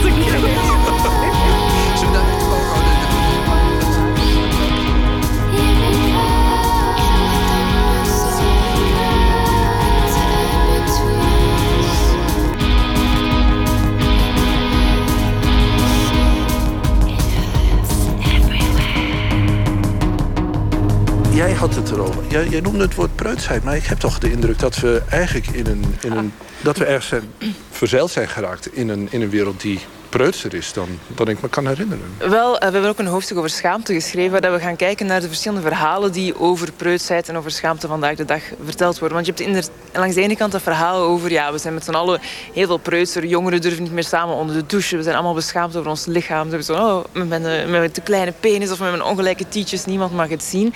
Langs de andere kant heb je ook een soort verhaal... waarin dat we vertellen dat het aan het doorslaan is. Hè? Dat seks overal is, dat iedereen zomaar aan porno kan... dat jongeren niet meer weten hoe echte seksualiteit in zijn werk gaat. En dan is er nog een soort derde verhaal ook, waarin dat we zeggen van die seksuele revolutie was heel goed voor ons. Wij zijn nu allemaal seksueel bevrijd. En wij zijn ook een soort voorbeeld voor andere mensen in onze seksuele bevrijding. Terwijl in de realiteit lopen die drie narratieven door elkaar. Je ziet dat bijvoorbeeld in de online omgeving heel hard. Um, het idee van alles kan. Iedereen kan zomaar dickpics doorsturen naar elkaar. Uh, penisfoto's voor de oudere luisteraar. uh, aan de andere kant worden mensen er net preutser van. Want ze zijn heel bang om gefotografeerd te worden. En dan voor eeuwig op het internet te belanden. En dan aan de andere kant is er ook Facebook bijvoorbeeld, dat een heel hypocriete policy hanteert. Als het gaat over het zien van tepels, dat mag dan helemaal niet. Dan moeten alle prijzen bedekt worden. Terwijl dat wel vrouwen in bikini met enorme tieten heel der pagina's krijgen die door honderdduizenden mensen geliked worden. Ja, een, een vrouwentepel moet bedekt worden, een mannentepel niet. Dus al die dingen, het is complexer dan we zijn preutser aan het worden. Er zijn allerlei dingen tegelijk aan het spelen.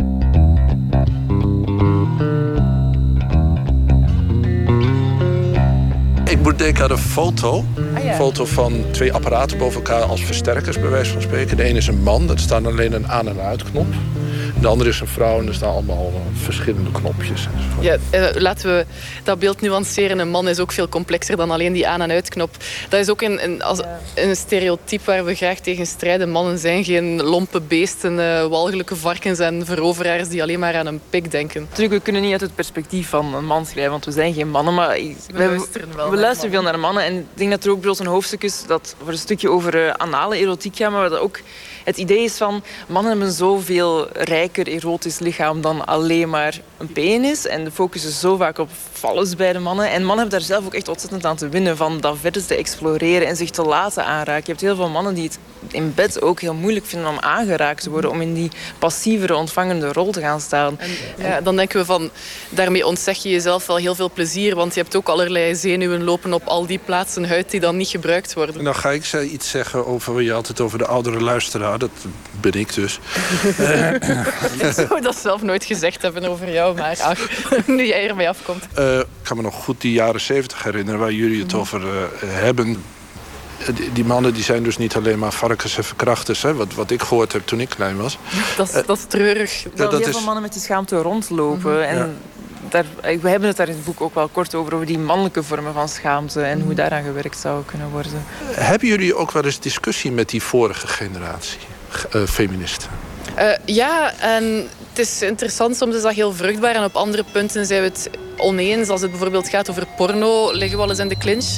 Want ondertussen, allee, in de vorige generatie leeft heel vaak nog, niet bij iedereen natuurlijk, hè, maar leeft heel vaak nog het idee dat porno sowieso negatief is, omdat de vrouw daar altijd wordt geobjectiveerd en dat dat een reflectie is van de maatschappij die helemaal fout zit. Terwijl er nu ondertussen wel al andere porno wordt gemaakt, waarbij vrouwelijke regisseurs zelf het heft in handen nemen, waarbij dat consent tussen de acteurs heel belangrijk is. Dus het is niet, denk ik, het feit dat er seks wordt gefilmd en getoond om geil van te worden dat het probleem is. Het is meer de manier waarop het gemaakt wordt.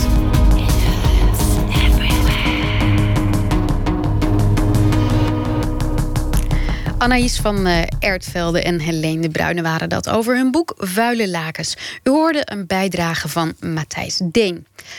Charlotte Gainsbourg die speelde eerder in uh, films als Antichrist, Nymphomaniac en uh, Melancholia. Maar ze kan dus ook zingen. Deze maand verscheen haar nieuwe album. De titel is Rest en dit is Lying With You.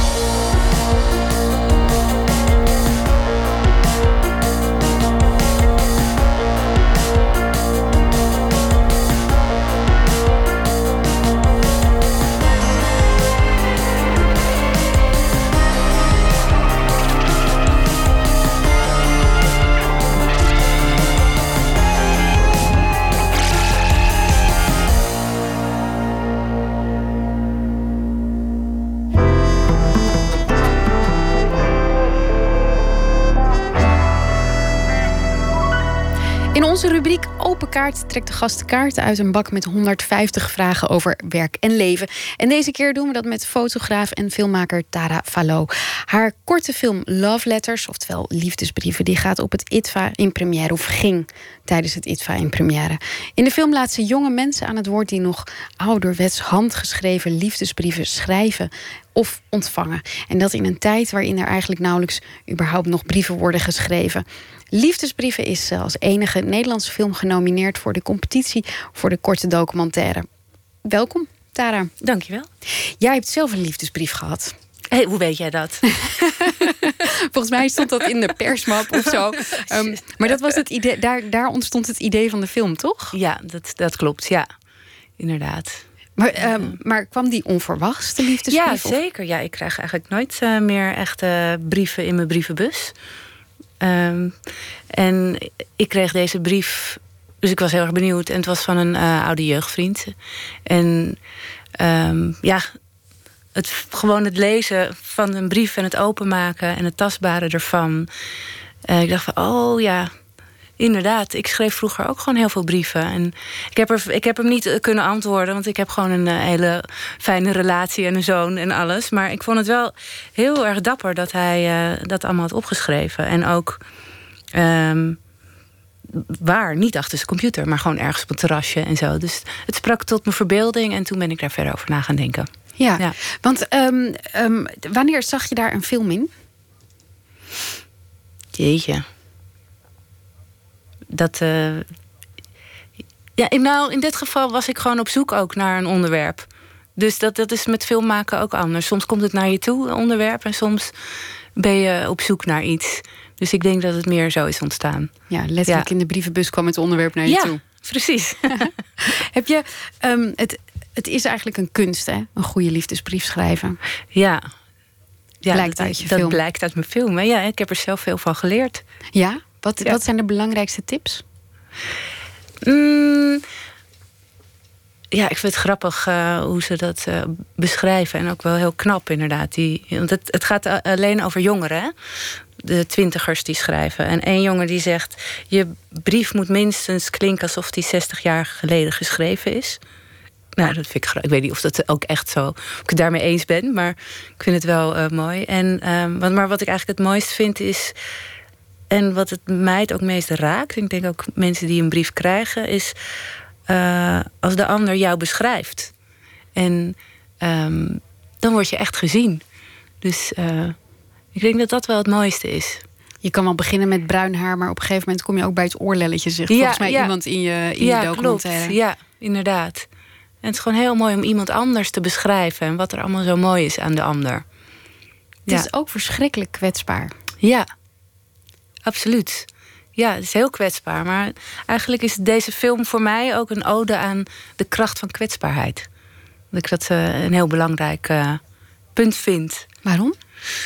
Um, ik heb het gevoel dat het steeds minder. dat je steeds minder kwetsbaar mag zijn of zo. En dat komt ook wel door de social media. Wat ik overigens zelf hartstikke leuk vind ook. Maar het is wel iets waar je mee moet omleren gaan. Omdat iedereen zich alleen maar heel perfect presenteert. En ik denk dat twintigers daar überhaupt al last van hebben. Als ik, dat had ik zelf ook.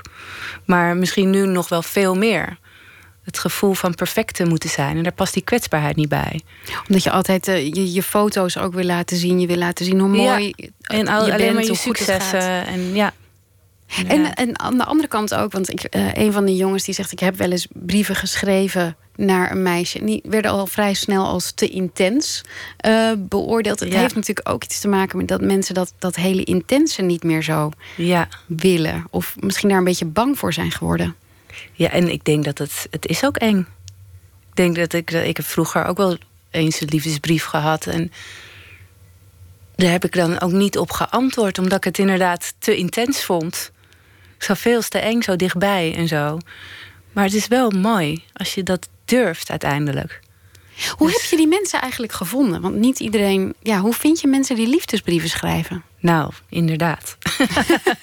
nou, ik denk dat in dit geval was dat echt het moeilijkste van de hele film. De, het research eh, gedeelte. En ehm, ja, ik ben gewoon begonnen via via oproepen en op- zoeken, zoeken, zoeken. En ik, ik had ook eh, begon ik eerst met ook andere generaties. Maar uiteindelijk ehm, hebben we via mijn eh, productiemaatschappij Halal... eh zitten een paar hele leuke dames en die ook twintiger zijn... en die hebben in hun eigen netwerk gekeken. En wat jongeren gevonden. Maar dan via via gevraagd, niet via Facebook of dat soort. Uh... Heb ik ook wel geprobeerd, maar nee, dat leverde niet echt iets op. hoeveel mensen, viel het je mee dat hoeveel mensen er nog ouderwets brieven schrijven? Uh, nee, er wordt niet zo heel veel meer geschreven, heb ik het idee. Nee.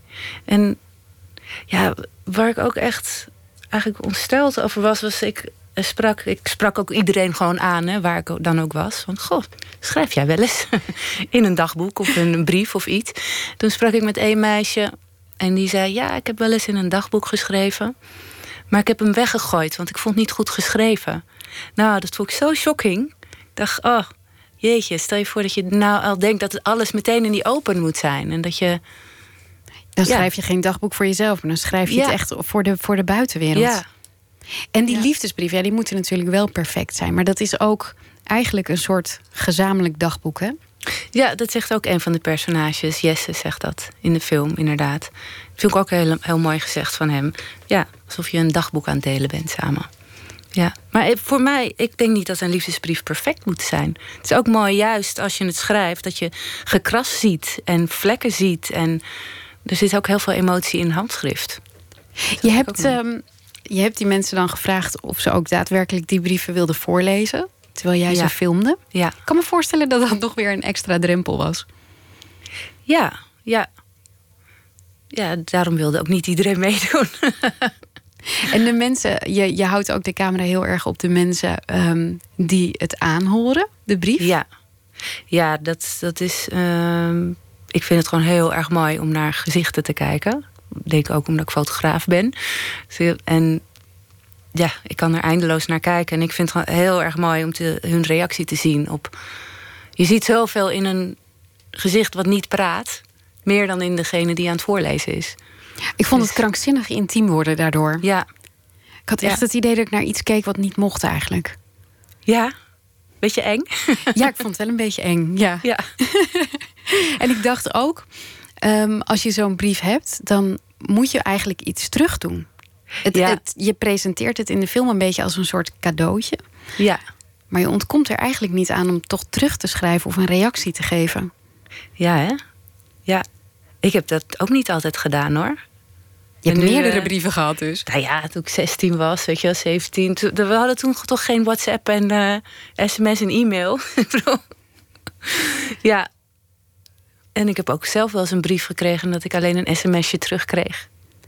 Je hebt geschreven? Ja, geen liefdesbrief voor. Gewoon naar een vriendin die ik heel lang niet had gezien. Maar ja, het dus soort... inderdaad, het, ja. Maar ja, ik weet het niet of het nou echt moet. Maar dat zorgt dan, het zorgt toch voor een soort imbalans, denk ik, in de hele relatie. Ja, misschien wel, hè? Ja. Dan kunnen relaties zelfs nog op stuk lopen, denk ik. Nou ja. ja. Laten we uh, naar de kaartenbak gaan. Oké. Okay. Um, nou ja, je kent het concept. Trek een kaart en lees voor wat erop staat en uh, geef ons antwoord. Een soort wenskaarten. Ja. Oh, dit is geen wenskaart. Ik zie het al. Oh. Draai maar om. Ja, moet ik hem terugleggen? Nee hoor, nee, je mag hem omdraaien en voorlezen. Oh, jeetje. Wat is je grootste angst? Ja. Hmm, nou, eigenlijk om angst te hebben. Denk ik. Het is niet voor niks dat ik een, een film maak over kwetsbaarheid. Ik heb mezelf ook wel in hele periodes heel kwetsbaar gevoeld. En ik heb ook hele, heel veel angsten gehad. En dat is echt verschrikkelijk. Dat, uh, dan kan je heel erg vast komen te zitten. Dus, maar zijn het dan irrationele angsten? Ja, denk het wel, ja. Voor uh, grote menigte of voor snelheid of uh, ja. Zijn, ja. Ben je daar dan zelf dan van afgekomen? Ja, ja. Dat ging gewoon uiteindelijk over? Nee, nee, nee, nee. Daar heb ik wel wat voor gedaan. uh, ja. En ja, voor mij heeft het heel erg geholpen om, um, om yoga te gaan doen. En uh, meditatie. En gewoon veel bewuster uh, met mijn omgeving en met mezelf om te gaan. En ik denk dat dat heel belangrijk is. Ook juist om uh, je kwetsbaarheid te kunnen aanvaarden. En om dan te zien dat het ook heel mooi is en dat je daarin kan rusten. Ja, want vaak is, want jij zei al, ik ben eigenlijk bang voor angst. Ja. Vaak is dat het, hè? Dat je eigenlijk bang bent voor de angst die je overvalt. In plaats van dat je echt daadwerkelijk bang bent voor hetgene waar je bang voor bent. Ja, precies. Ja, bang voor iets wat er niet is of wat misschien gaat komen. Maar ja, als je leert om er meer gewoon ja, in het nu te zijn. Klinkt altijd zo. maar ik vind het wel goed hoor, dat, het er, dat er nu veel meer aandacht aan wordt besteed. Ja. En al die uh, modenamen. Ja. Trek er oh, nog, eentje. ja hoor. Ja, ja, ja. Oh, je hebt het al Nee, ik heb het nog niet oh. gezien. Nee. Heb je wel eens gevochten? Ja. Nee. Nooit een klap uitgedeeld? Mm, vast wel, maar... Nee, ik heb nooit echt... Als ik gerollenbold over de grond. ben je überhaupt een ruziemaker? Nee. Eerlijk gezegd niet. Ik hou echt helemaal niet van ruzie, nee.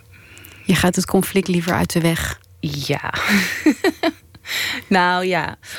Of ik, of ik ga heel eventjes eerst... Ehm, een beetje uit, uit uh, hijgen ergens.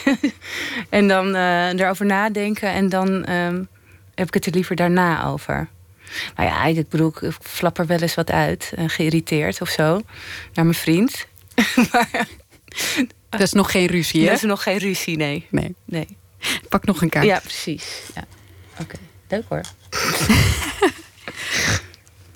Welk idee heb je stiekem gejat? Hm.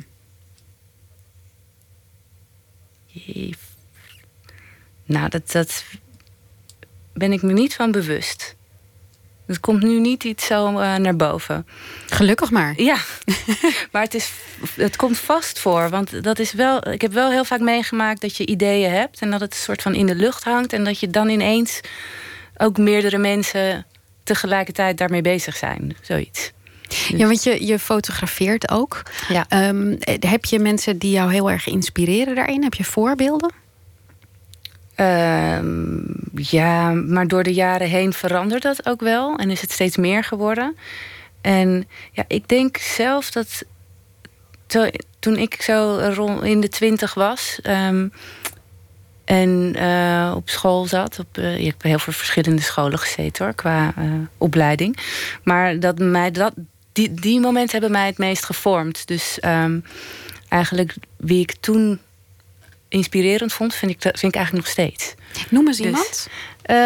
Ja, in fotografie was dat Diane Arbus bijvoorbeeld. En in uh, film Jean-Luc Godard. En ehm, ja, Pina Bausch vond ik heel interessant. Maar dat is weer een danseres. Het kan eigenlijk van alles zijn wat me inspireert. Het hoeft niet per se een fotograaf of documentairemaker te zijn. Is dat die, je zei net al een aantal keer, ik ben heel erg geïnteresseerd in die kwetsbaarheid. Die wil ik graag laten zien. Dat laat je ook heel erg zien in je, in je, fotograaf, in je, je fotografische uh, werk. Um, is dat ook wat je uit die voorbeelden hebt geleerd? Dat, dat, dat kwetsbare, dat dat mag of dat dat mooi is? Ja, ik denk het wel, ja. Ja, ja en ik denk dat het ook... Um, als je iets kwetsbaars kan laten zien, kan je weer iets sterks laten zien. je hebt het gewoon nodig, allebei. Als je alleen maar succesverhalen laat zien, dan ben je snel uitgekeken. Ik tenminste. Mensen willen zich herkennen in verhalen en in beelden. En, uh, en dat kan ontroerend zijn. En daar, ja, daar hoort die kwetsbaarheid bij. Ja. Ja. De kwetsbaarheid van bijvoorbeeld een, uh, een liefdesbrief. Die is. Ja. Uh, te zien, die kwetsbaarheid. En ook wel de kracht van de liefdesbrief uh, in jouw uh, documentaire. En die is nog steeds te zien op ITVA. Dankjewel, Tara Fallo. Dankjewel. Niet alleen muzikaal, maar ook als echtpaar vormden Ike en Tina Turner een explosief duo. Wellicht voelden ze al aan wat de toekomst zou brengen toen ze dit nummer opnamen. Dit is I Smell Trouble.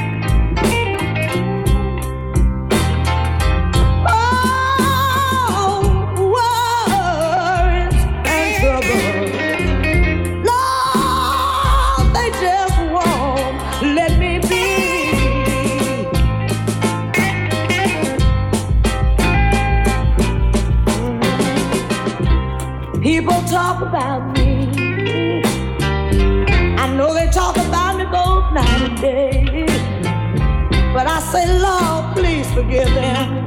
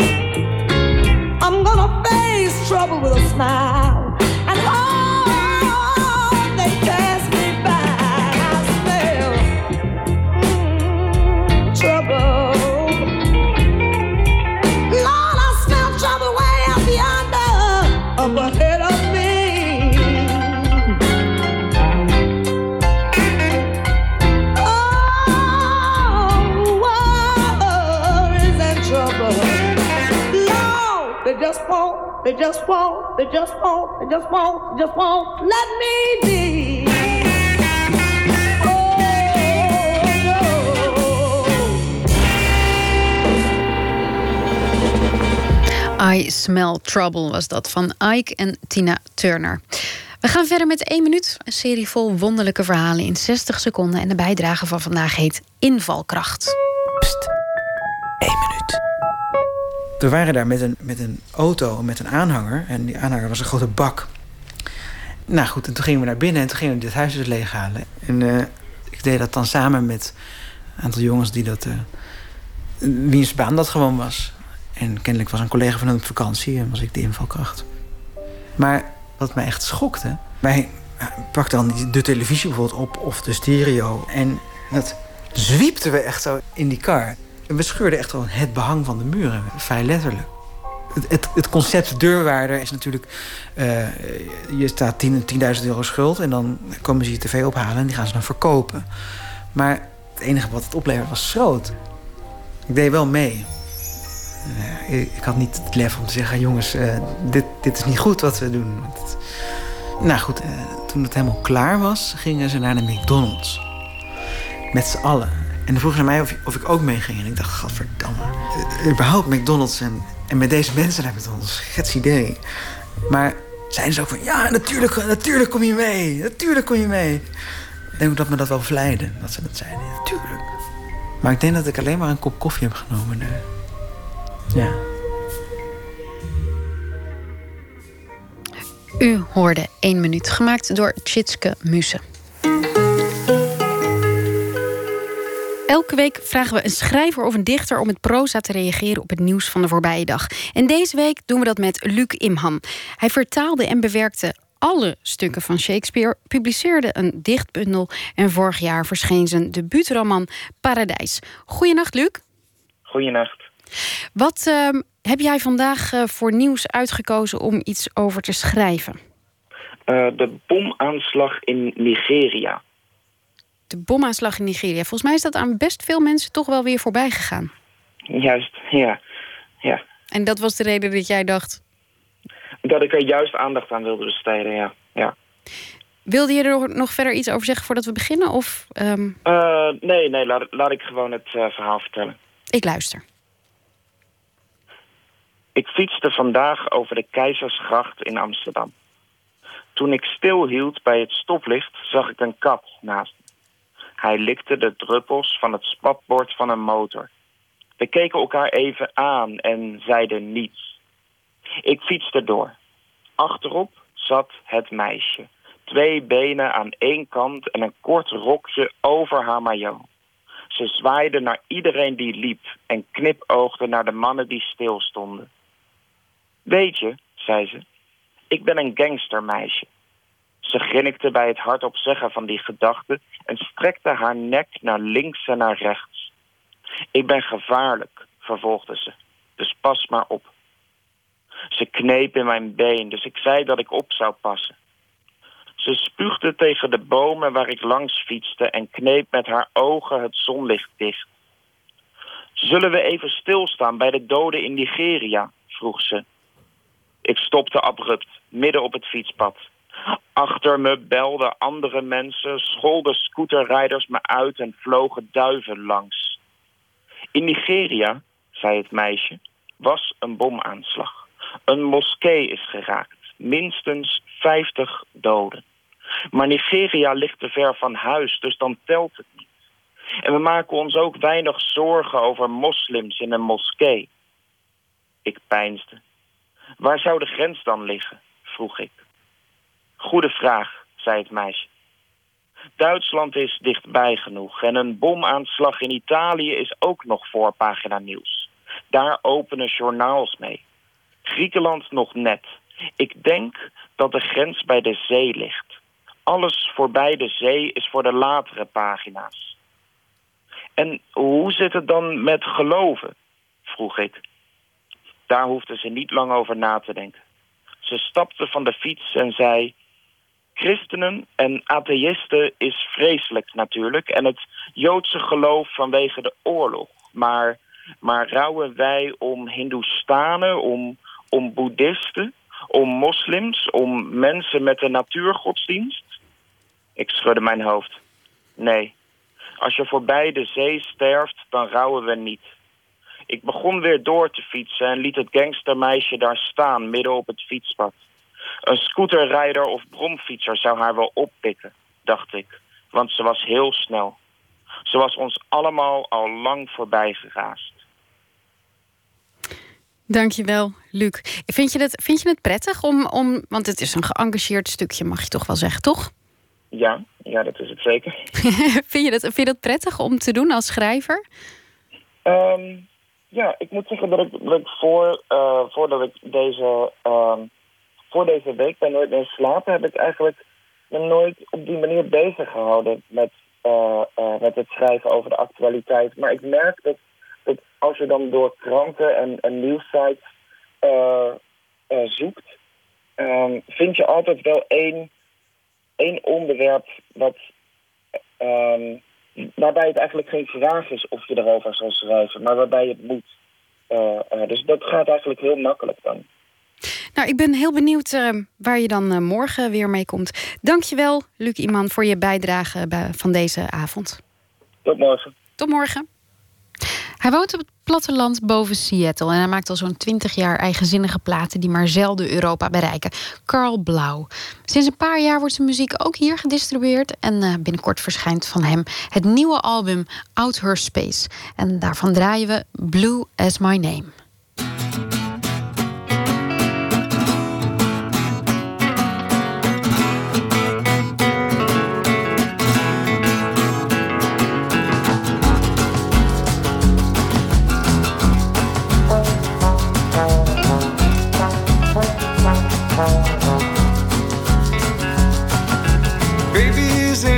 Nest. Can baby read the signs? I'm asked to test the water by pickling in the brine. Though I like the smell of ocean, see me pluck my nose in time.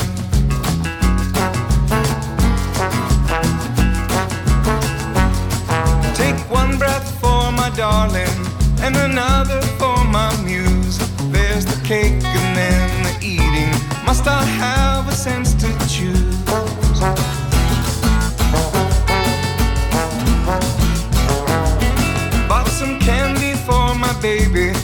her down from up on high, just to strap her to a rocket, point my baby to the sky. Blue as my name, drunk with wonder again. Taking the day off from imagining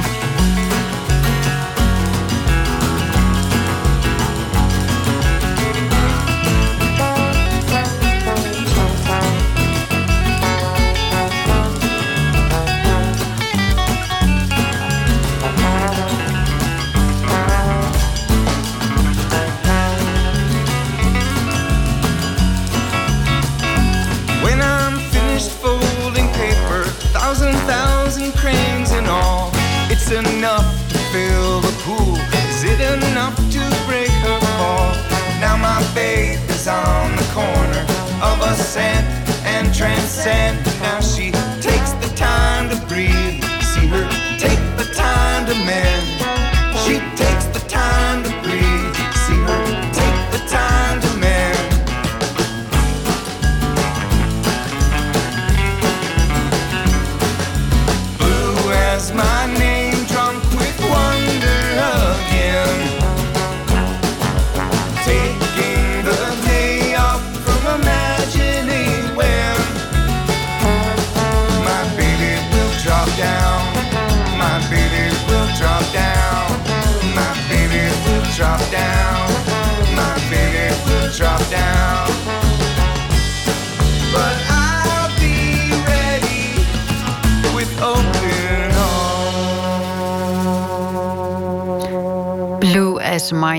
En dat eh, zong Karel Blauw.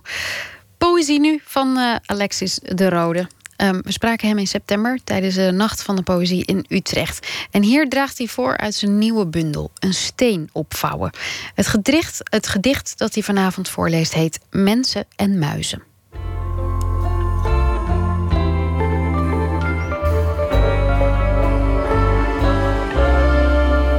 Mensen en muizen. Een land regeren is als een klein visje bakken, zei Lao Tse. Ik, Alexis de Rode, naar boven afgerond twee meter lang, heb een muis gedood van zes centimeter. Hoge eisen stelden ze niet, maar ik vond het te veel. Het stoorde mij dat ze een beetje van mijn voedsel at. Twee dagen later kwam een zoete stank tussen de spleten van de antieke vloer omhoog. Ze moet kinderen hebben gehad. De muizen, ze monsteren ons vanuit de hoeken van de huizen. Ze begrijpen ons niet, reusachtige naakte vogels. Ze horen ons paren in krakende bedden. Ze zien ons eten, bergen tegelijk. Ze begrijpen niet dat wij geen keus hebben. De huiskamer stinkt en ik denk na over modernere vernietigingsmethoden. Buiten mijn blikveld, zonder stank, zonder geluid. Dit gedicht is eh, gekomen door. eh,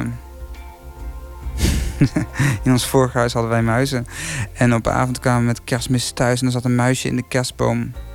Heel lief. Maar ja, lagen ook overal keutels. En eh, ja, dat kan je niet tolereren. Dus ik heb een ouderwetse springveerval gezet. En de muis gevangen. En toen ik hem ving, ja, dat was gewoon heel zielig eigenlijk. Maar je moet dan, eh, je moet dan toch hard zijn. En waar ik dus bang voor ben, is dat mensen die eh, genocide plegen, dat die datzelfde idee hebben. Dat ze denken, ja, dit is wel heel hard wat ik doe, maar ik moet dit doen. Mensen en muizen. Een land regeren is als een klein visje bakken, zei Lao. Ik, Alexis de Rode, naar boven afgerond twee meter lang, heb een muis gedood van zes centimeter. Hoge eisen stelden ze niet, maar ik vond het te veel. Het stoorde mij dat ze een beetje van mijn voedsel at. Twee dagen later kwam een zoete stank tussen de spleten van de antieke vloer omhoog. Ze moet kinderen hebben gehad. De muizen, ze monsteren ons vanuit de hoeken van de huizen. Ze begrijpen ons niet, reusachtige naakte vogels. Ze horen ons paren in krakende bedden. Ze zien ons eten, bergen tegelijk. Ze begrijpen niet dat wij geen keus hebben. De huiskamer stinkt en ik denk na over modernere vernietigingsmethoden. Buiten mijn blikveld, zonder stank, zonder geluid.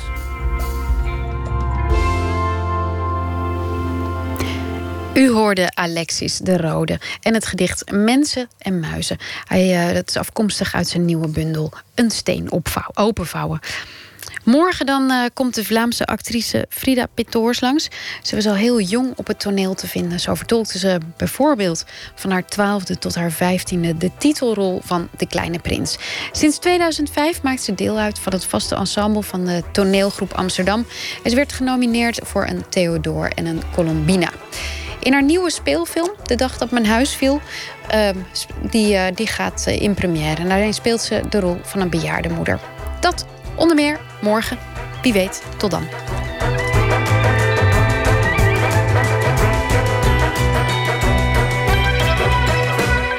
Op Radio 1, het nieuws van alle kanten.